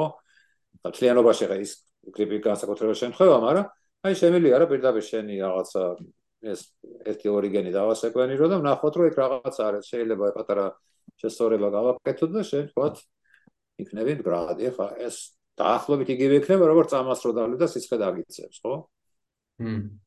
ხო ხო ვიცით რა რატო ხდება ეს და ნუ ცოდნა როცა გაქვს ამისი მე ამოცანის შესრულება შედარებით მარტივია. ამ ეტაპზე რეალურად ბოლომდე გამოდის რომ იმის ცოდნაც არ გვაქვს მაგ მაგ კუთხით რომ რატო ვერდებით ბოლომდე ბიოლოგიურ დონეზე არა არა არა არ გულისხმობ მიზეს არა. მიზეს არ გულისხმობ არამედ გულისხმობ აი უშუალოდ მექანიზმი ბოლომდე როგორ მუშაობს შიგნით. ეს არ გვესმის. არა არა გასმის როგორც რა არის ბევრი ბევრი ფაქტორი მუშაობს. რა არის ერთი გენი? FOXO3 ქვია რომელიც მაგალითად აი როცა აი ეს პროცესები მიდის უკვე რომ ტელომერები რო ბერდება იქ ამ გენის მუშაობა ესე ეცვლება რომ კალორიების რესტრიქციას ახდენს ანუ იმდენ კალორიას ვეღარ ღებულობ. ეხლა რა დააკვირდე, ხო თქვა, აი ასაკოვანი ხალხი იმდენს ვეღარ ჭამს, რასაც 40 წლის საჭამდა, ხო თქვა. იმდენ რომ ჭამა შეიძლება ერთს გაუძლოს, ხო? ანუ უკვე აი ამას იღებს, რომ გადამოშვება თუ არ შეუძლია, ხო, ორგანი უძრედი იწખებს თავის, ჩვენ რომ უძრედს ვამბობთ, გულისხმობ თელ იმას, ხო, კომპლექსსა. ის ცდილობს თქვა, ну ისევე როგორ დაახლოებით იგივე რომ ძალიან ბევრი რო შეჭამო, რაღაცას იზავს რა ორგანიზმი ხო? თქვათ რა თავისუფლება რაღაცა ფორმით. ანუ აი ეს ეს ბევრი რაღაცა არის ცნობილი რომ აი ესენი როგორ მუშაობენ ერთად ესეც უფრო მეტად არის ცნობილი, ვიდრე თქვა ჩვენ რა უნდა ვქნათ, რომ თქვა აი ეს არ ამუშავდეს, მაგრამ ეს რა შედეგს მოიტანს? ცალსახად. აი ეს არ არის თლად დადგენილი ბოლომდე, რაიმეთო რომ ეს ეს ჩვენი ასე თქვა სიცოცხლის ხარჯების პროგრამა იმდენად ასე თქვა როგორ რა ვთქვა რა არ არის სწორი ამა თქვა ლოგიკური პროდუქტი ლოგიკა არ არის ევოლუციაში მაგრამ თქვა რა პირობითად რომ იმდენად ჩამოყალიბებულია ამის რომ აქ არ ვიცით აი ამ კედელს რომ მივადგებით რომ მივაწვევით არ ვიცით რა მოხდება რაღაცა მექანიზმი შეიძლება იყოს რომელიც ამ ამას შეებრძოლება. იმიტომ რომ იმიტომ რომ იცი რა არის შენ შენ დაახლოებით 25 წელიწადში ერთხელ homo sapiens-მა უნდა დატოვოს თამამავლობა რა ეს თამამავლობა არის აი ეს ბიომრავალფეროვნება ანუ ეს ცელკი და ესეთი თათვი და ელი და სიცხის სიცივის ამის იმის მოყარული და მე მთელი მაღალი დაბალი ბრაზიანი მშვიდი მთელი მრავალფეროვნება რაც არის ეს ეს უნდა 25 წელიწადში ერთხელ დადგეს. მანაერად სახეობა ზონასწორობიდან გამოვა, ნე? ამიტომ არის რომ შენ რომ მითხარ ხომ ეს უკითხულობ აი კერძოთ რა უნდა გავაგრძელო, რა ისი გახანგრძლივება გვინდა, ნე? აჰა. ой ფიქრობ ეგრე. აი ღია საკითხია, ყველა შეუძლია ამაზე შეიძლება და საიდან მოვა ამის ამოხსნა არ არის იცის. ხო, არა, ეგ ძალიან საერთო მაგალითად რჩენებობდი, რომ დაუშვათ ტიპი, რომელიც ანუ აი სიცოცხლეს ხო ამბობ რა მაგალითად, რომ რაღაც სახეობა ცოცხლობს ამდენი ხანი, მე შეიძლება 25 წელიწადში ერთხელ პირობითად რაღაც ახალი თაობა მოდის, მაგრამ ეს თაობა ხო შეიძლება მაინც მოვიდეს 25 წელიწადში, უბრალოდ ის აღარ წავიდეს. ანუ ამაზე აქვს საუბარი. არა, შეიძლება შეიძლება ეს აღარ წავიდეს, მაგრამ პრინციპში ხო, პრინციპში შეიძლება თქვათ, რომ ახლა შენ თუ მაგალითად უკვდავი გაქვს, გამოიგი დაიბადა და მორჩა რა, ის ის უკვდა მთელია ეს რაღაცერონება დევს და აკვდებიან ну фактурат გამოდის რომ ნუ რა 60-ანა და სხვა შენ უკვე უდგები ბერძნულ მითოლოგიას რა, უკვდავება თუ სიყვარული ასე თქვა. მაშინ სტამატოლის დატოვება იქნება საჭირო და ამასთან დაკავშირებული სიამოვნებებიც მოგვაყლდება ხო? ამდენად ну ეს არ არის მე მგონი რა ვიცი ნა ხო ეს ხო ამაზე ბევრი ფიქრობდა ხო? ხა მაგას მარკუს ავრელიუსს აქვს ერთ-ერთი ძალიან კარგი ფიქრი რომ ყველა ჩივისო აი დროზეო და არავინ არ ჩივისო რატო არ ვიწონი თქვა რაღაცა 500 კილოგრამს თუ რაც იყო მაშინ საზომი და დაჟერდი რა შენთვის ბოძებულ დროს ისევე როგორც ჯერდები შენთვის ბოძებულ ასე თქვა მატერიას ну ახლა ეს მ ანუ კაცის ფიქრია და ეს რაღაც სხვა იმაში იყო. არა ცხადი ამაზე მე ფიქრი მუშაობა ყველაფერი მიდის და რაღაც შედეგს მოიტანს. ხო ნუ ერთი რაც საინტერესოა და მნიშვნელოვანია ალბათ აი როგორც აი ხო ამბობე ხოლმე რომ ფიზიკის კანონები რაღაცას არ უშვებს ფიზიკოსებს უყვართ ხოლმე. ან პირიქით რომ აი მაგალითად არ არსებობს კანონი არ აღმოგვიჩენია კანონიო ამბობენ ხოლმე რომელიც გვეთყოდა რომ იზღუდება დროში მოგზაურობაო რა შეიძლება ხა დროში მოგზაურობა არ შეგვიძლია დღეს მაგრამ რაღაც ჰიპოთეტური პარადოქსების გარდა ესე ფიზიკის კანონი არ აღმოგვიჩენია რომ გვეთყოდა რომ აი წარსულში ვერ დაბრუნდები განსხვავებით სიჩქარისა ხო რომელიც გვეუბნება რომ არის რაღაცა ლიმიტი სამყაროს სიჩქარის სადაც სინათლის სიჩქარის ვეძახით ხო ეს ფოტონს რაღაც ამ 300000 კილომეტრი წამში დაახლოებით ესეთი რაღაც აშკარად არჩევს ამ მიმართულებით, რომ აი ეცინა აღდგებოდეს, რომ შეუძლებელია ვთქვათ, რომ რაღაც ორგანიზმა სამუდამოდ იცოცხლოს. მე მგონი ესეთი რაღაცას არჩევს ხო ფაქტი. ხო, ნუ სამუდამოდ იგულისხმება სანამ ეს პირობები არსებობს, ხო? ანუ თქვა აი ეს ანუ აი აი აი ამ ასე თქვა სიბერით აღარ მოგვდეს რა, მაგას გულს. ხო, ხო, ხო, არა. ხო, მაგრამ ხო, უბრალოდ ჩვენ ეს თქვა ევოლუციის ფუძემდებელ პრინციპს კერვაწინააღმდეგებით, ну რაღაცნაირად ვეფათურებით დავარქვათ რა. ხაშოი ფიზიკოსების რაც შეეხება, ხო? აი მაგათ ეს შრედინგერის ცნობილი ციგნი 53 წელს რო გამოხო, რა არის სიცოცხლე ფიზიკოსის და იქ მეექვსე თავის ცენტრში, ესე იგი ეს დებულება აქვს, რომ ეს როგორი რა რა არის ეს როგორი ნივთიერება ის რასაც რაც ქნის აი ამ ინფორმაციას რაც ატარებს და აქა პერიოდული კრისტალი, ხო? თქვა და მაშინ ეს შრედინგერია ეს კი არა ვიღაცა. შეიძლება ხო, რომ ალბათ ფიზიკის ახალი კანონების აღმოჩენა. ეს არის 1953 წელი, წარმოიდგინე, კვანტური ფიზიკა უკვე ასე ვთქვათ. და ნუ დიდი ბევრი რაღაცა გაკეთებულია, ხო? ძალიან ბევრი შეიძლება ითქვა. და და შრედინგერი. ახალი კანონების აღმოჩენა იქნება საჭირო, რომ გავიგოთ როგორ მუშაობს სიცოცხლე. არაფერი ამაში ის არ არისო, როგორც ყველა კანონი თავის დროს აღმოჩნდა, ხო, რაღაცა აღმოაჩინა და ჩამოაღალი. ну გაირკვა რომ ასე არ არის უმარტივესი რაღაცა ყოფილა. სიტყვაზე უფრო მარტივია ვიდრე ჩანს რა, თვალით, როგორც კი მიო ისე თქვა ჩახვალ საფუძვლებში. ეხლა შრედინგერს თუ ნუ ახლა ვერ იტყვი რომ შეეშალა უბრალოდ აი ასე ხედავდა რა მაგრამ ნუ ფაქტია. და ძალიან ხაშოს ამან ძალიან ბევრი ფიზიკოსი მიიზიდა და ეს აი ბიოლოგიის ბუმი დაიწყო 50-იანი წლებიდან ხო დნმ-ის სტრუქტურა მილერური ეს ექსპერიმენტი მეზოზონის სტალი მერე 60-იან წლებში გენეტიკური კოდის გასიფრა ნახევარი ფიზიკოსები იყვნენ. აი ამ ახალი კანონის აღმოჩენის ეშლი და გაიგო რომ არაფერი წყალბადური ბმები როგორ წარმოიქმნება ეგ არის ხო? ხო, ну იგივე შეიძლება იყოს რაღაცა ეგეთი მარტივი, ხო, პირობითად იმ იმ იმ იმაზე პასუხი, რასაც ახლა აზრ ჩვენ საუბრობთ რაღაც თუნდაც. შეიძლება შეიძლება ნამდვილად შეიძლება. ყველაფერი რაღაც არ შეიძლება. ალბათ მე ეს მე რასაც პესიმისტი არა ვარ და ასე თქვა და ერთადერთი ცდილობ რაღაც რამდენად გამომდის, რომ ცდილობ რა რეალურად პატაი ნამდვილი შესაძლებლობა რა არის? და ნუ არა არის და ძალიან დიდი. და ძალიან ესეთი პარადიგმული იქნება თვალსაზრისითაც და უბრალოდ უნდა კარგად ჩამოვალიდეთ რა. ჯერ კი ბევრი ბევრი ბევრი რაღაცა არის ანახავი ძირითადი რაღაცები ვიცით რა პრინციპში აი ასე ვთქვათ ეს ნუ ხა 150 წლის არის დაახლოებით თანამედროვე ბიოლოგია ხო და არვინი მენდელი და ნუ მე და შეიძლება ყველაფერი და და ნუ? ახოთ რა აი ან ნუ ხა გენომის გაშ ძალიან ძალიან ისეთი რაღაცა იყო რა როგორ ვთქვა ნუ? ძალიან ჯერ კიდე ბოლომდე შეფასებული არ არის თქვა აი რა ხედა მნიშვნელობა აქვს. ნუ მესმის აა მოკლედ იმ ადამიანის რომელიც ეხა აი ამ უსმენს იმ მიმართულებით რომ გაიგო სიტყვაზე რამდენად შეძლებს რომ გახდეს უკვდავი შეგვიძლია ვთქვათ რომ თეორიულად შესაძლებელია მაგრამ ჯერ ზუსტ პასუხს ვერ ვეტყვით. აი დაახლოებით შეგვიძლია შევაჯამოთ ალბათ ხო პრაქტიკულად შესაძლებელია ალბათ კიდევ ერთხელ რა შევადაროთ არ ვიცი ნო მოდი ვთქვათ ვარეზე აფრენას ხო და დაჟდომაზე სიარუს უბრალოდ უნდა ავაშენოთ რა ეს სისტემა რომელიც ამის საშუალებას მოგცეს ამისთვის შეიძლება დაგჭირდეს ამინომჟავების დამატება მაგალითად ავალიცა დროში დაახლოებით როგორ წარმოგიდგენია ეს სიტყვა. თუ შეგვიძლია ოდნავ მაინც რამე ეგეთი დაშვება გავაკეთოთ. ნუ ხა მინიმუმ დროშება დაგჭირდეს ამისთვის.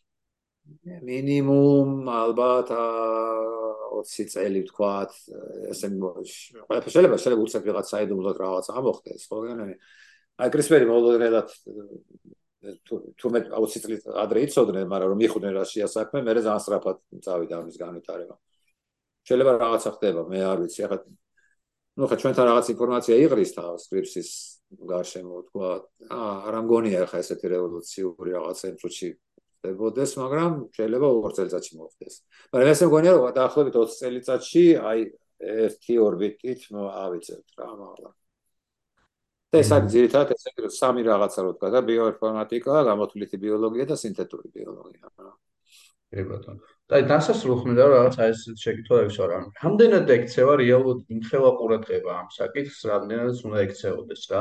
ან რაღაც ფინანსები იქნება ეს და რესურსები იქნება, ხო გადანაწილებულია სხვადასხვა რაღაცებზე და ანუ აი რამდენად რეალურად პრიორიტეტია ეს კიდაც მეცნიერებაში რა. არ არის ხო?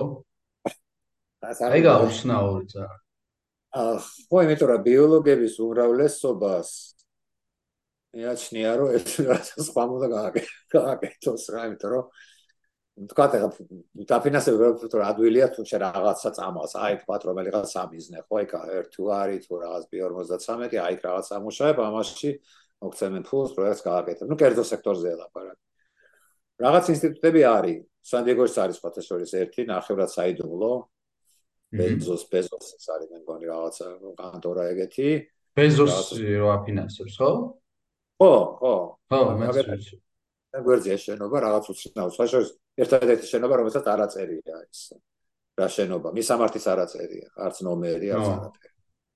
ну გამჭირვალეა უღონთ ეს. თქოს არ მალავენ რაღაცებ დადიან შიგნით. შეხო ას ვარიც რა ზაგეთებენ.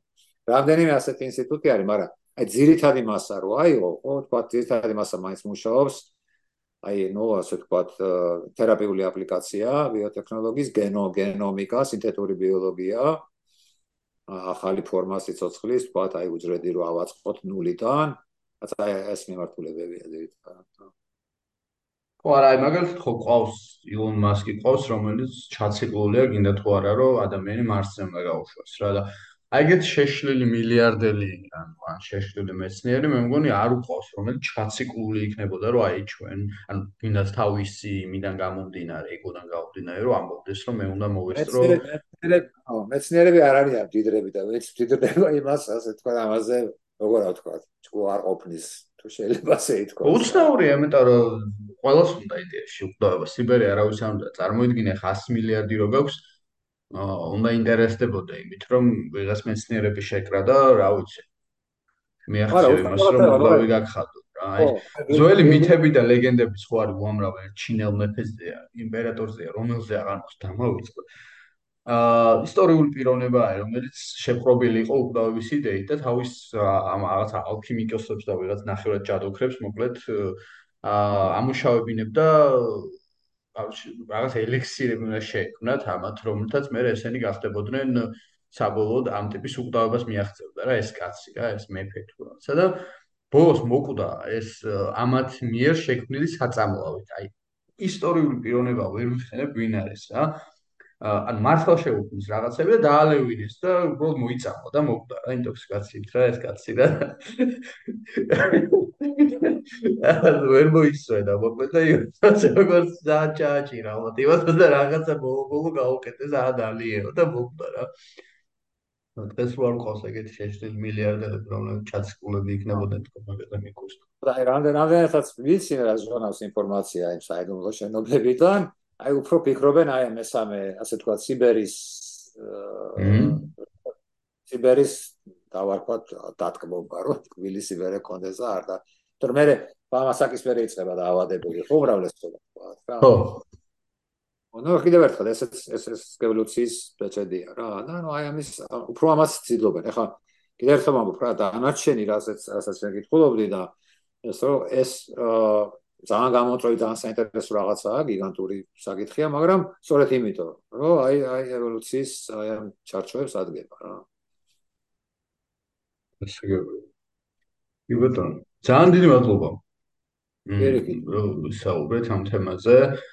მე რაღაც ცოტა ისე ვარ რა, მაგ ძალიან ოპტიმისტურად ვარ, იმიტომ რომ მე ალბათ იმ ხარეს ვარ, რომელიც ამბობს რომ ანუ რაღაცნაირად არ უნდა მოისვენო რა იმიტომ რომ დასაკარგის კი აი რომ ამბობენ ხოლმე რომ რამხელა რაღაც შეიძლება დაუკარგოთ და მე ცოტა ისე ვხედავ რა უნდა დაგა არა, მეც მეც მოსვენებაზე არაფერს არ პირიქით, რაც უფრო მოსვენა და რაც ჟურად რაც უფრო სხვაშორის აი ეხლა შენერხელი გითხრა რა უშლის რა ამას ხელს. ხო ერთ-ერთი უშლის აი ეს დეგენერატული ეს ეთიკური რაღაც ის ნუ აი ემბრიონის იმის ხელისხლება არ შეიძლება. ამ დროს ემბრიონების რა რა სადაც ემბრიონებთან საქმე აქვს, უზარმაზარი მასა არის, რომელიც ასად არ მიდის იღუპება. ხო, აი მაინც იქაც კი აკრძალდა. ხალხი მუშაობს, ამას მაინც აკეთებენ ჩუმად, ამას ვერ ვერაფრით ვერ გააჩერე. ინტერესი. ხო, არა, მე მე ძალიან ისე უდგები, გონია რომ პრაგმატულად უდგები, მასე რომ გარდა იმისა, რომ საუბრობთ სიტყვის სიცოცხლის გახანგრძლივობაზე, ეს რაღაც ჯაჭვია რა, ანუ აი ცოტა იდეოლოგიასავით გამოდის, იმიტომ თუ უყურებ ისე რომ მოკლედ რაღაც არ შეიძლება, მაშინ არაფერი არ შეიძლება და თუ უყურებ რომ რაღაცა შეიძლება, მაშინ ყველაფერი შეიძლება, იმიტომ რომ დასაკარგსაც არ შეეხება, ხო არის თაობა, მაგალითად, ვამბობთ რომ აი ამას თუ შეუცვლით რაღაც საფრთხეა რა. რეალურად გარდა იმისა, რომ ინდივიდი კვდება, რომ კვდება, ხო? თვითონ სიცოცხლეც მოკვდება აუცილებლად ოდესღაც ამ პლანეტაზე.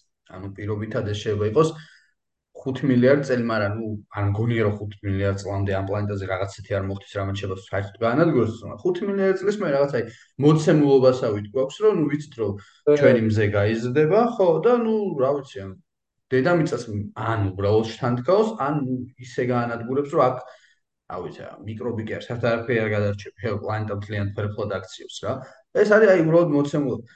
მაგის გარდა კიდე არის თვითონ სამყაროს სიცოცხლის ციკლი, რომელიც ეხა ფართოვდება და საბოლოოდ რაღაცა დიდ გაყინვას ეძახია, რომელმაც შეიძლება სამყაროც რაღაც დონეზე შეიძლება ოდესღაც უბრალოდ დასრულდეს რა, იქ თავის ყველაფერი. შენ ანუ ამ შემთხვევაში ციცოცხლის ფორმას, ამ შემთხვევაში ჩვენ homo sapiens-ებს, ну რავი, რა არჩევანი გვაქვს, ვიждდეთ უბრალოდ და დავალოდოთ, როდესაც ბუნებრივად ჯერ დედამიწაზე გაქრება და მეორე სამყაროზე თუ არ მოვისმენოთ და რაღაცები გავრისკოთ, რომ პირველ რიგში რა გავაკეთოთ?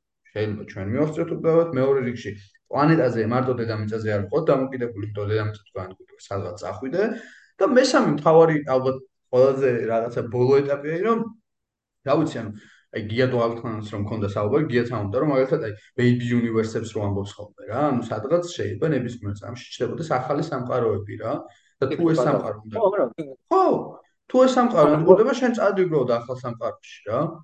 არა, მოსვენება არავითარ შემთხვევაში ეს ეს მოცემულობა, ასე თქვა, მინიმუმ პირობაა, რომ არ არის მოსვენება, არ პირიქით, ყველაფერი ნოცადოთ, ყველაფერი უნდა პროთ ეგ არის რაღაცა საზღვრები არის, ხო, ადამიანზე ექსპერიმენტის ჩატარება, თქვა, ხა ესე, ნუ, არ შეიძლება, მაგრამ ამის საჭიროებაც არ არის. აი ძალიან ძნელად გადის ფოტოშორის, აი ხალხამ ხალხამ ძნელად დადის, ვინც აი ამ რეგულაციებს და რაღაცებს განაგებს, რა, რომ დღევანდელი კიდევ ერთხელ ვამბობ რა აი computation biology რასაც ქვია რა გამოთვლითი ბიოლოგია სინთეზური არ არის საჭირო ადამიანზე ექსპერიმენტი რა მოდელს გააკეთებ ისეც რომ ის გეუბნება რომ აი როგორც ავიცი თქვა წარმოიდგინე რომ ასპირინი არ შეიძლება დაალევინო და ნუ რაღაცა ძაღლს თუ რაღაცას დას ჩაატარე კვილს ატკენ და ის დაალევს და მეორე ზაღლი ბედნიერი იქნება და შენ ბოლო ბოლო როგორც ახლა კლინიკური ცდები რომ მიმდინარეობს ახლა მთელი პროცესია ხო მოდელი კეთდება თაგვი ვირთხა მაიმუნია.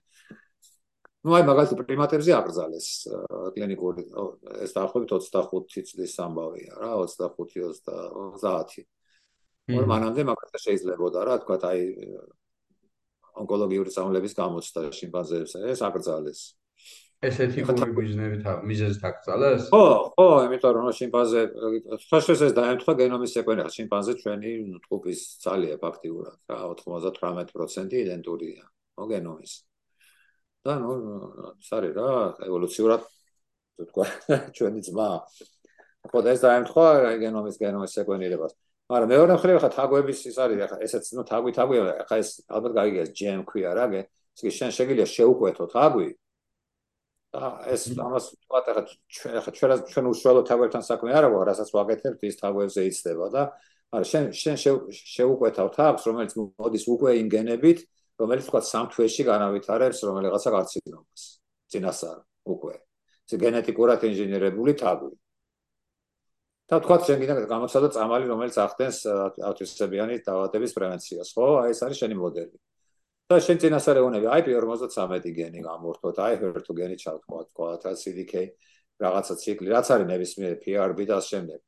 ანუ უკვე თავ იმეილით წარმოიდგინე რა და დაახლოებით ერთ თვეში გააჩნია ბევრი რაღაცა გამზადებული აქვს. უკვე ეს მოდის რა გალიაში და შენ რაღაც და მე ნუ შეწირვა ქვია ამას თაგვის და ну, ჩადოა რა, არ მოკლედ რო ვთქვა, მაგრამ ახლა ესეც სხვა შეიძლება რა, იმიტომ რომ ხაი რაც არის, არა ცოცხალში უკვე, იმიტომ რომ ქსოვილის გაზრდა და ქსოვილის კულტივირებაც უკვე ისე დონეზე მიდის, რომ აღარ არის საჭირო, რომ ცოცხალი ის აკეთო. მაინც ლაბორატორია ხო, ასახმე იმაში რომ კლინიკაში, შენ კლინიკაში რო აი პირველი ფაზა რო დაიწყო კლინიკური კვლევის, ხო, აი იქ იქ თაგვის, ვერცხლის და მაიმონის გარეშე ვერ მიდიხარ, ეს გზები გასავლელი. ახოთ მოკლედ ძალიან ძალიან საინტერესო პროცესში ვარ ფაქტია და ძალიან მაინტერესებს გაიგზელება იქნება და რა სადამ სადამ დავინახოთ რას დავინახოთ და მოვესწრებ. აა მე რამეს ნახავ, ძალიან კაი რაღაცები იქნება. ძალიან წინ. კი, მაგის მაგის იმედი მაქვს და ერთ-ერთი თავი ინტერესი დიდია შეეგარიყავს. სამყაროში, ჩემთვის. თვითონ ზოგადად ადამიანისთვის ალბათ. ადლობა მოკლედ კიდევ ერთხელ ძალიან დიდი ჩვენ ერთ დრო იყავი ამ თემზე რო ვისაუბრეთ, როგორც იქნა შედგა ჩვენი საუბარი. ძალიან დიდი ხანი გვინდოდა და სულ გადაიწია, გადაიწია, გადაიწია, მაგრამ ბოლოს გამოგვივიდა. და მადლობა მსმენელსაც რომ მოგვისმინა, შეიძლება კონკრეტულად ვერ გითხარით. როდის გახდებით უბრალოდ, მაგრამ დაახლოებით ვისაუბრეთ იმაზე, თუ რა ხდება დღეს ამ ყოველთვის გარშემო და რა პირველ რიგში რასაც შევხედეთ, ალბათ მაინც ხო უფრო თავარი თემა მაინც ქონა თუ რა არის სიცოცხლე, ხო? ან რა არის სიცოცხლე და იქიდან გამომდინარე თუ არიცი პრობლემა რა არის, მე პრობლემის გადაჭრაზეც ვერ იფიქრებ და ვერც დაუშვებ, ხო და ჯერ რაღაც ალბათ მაგ პროცესში ვართ, რომ ვიგებთ რეალურად რა არის სიცოცხლე, რა ფენომენია, როგორ არსებობს და ასე შემდეგ რა. მოკლედ ძალიან დიდი მადლობა. დიდი მადლობა.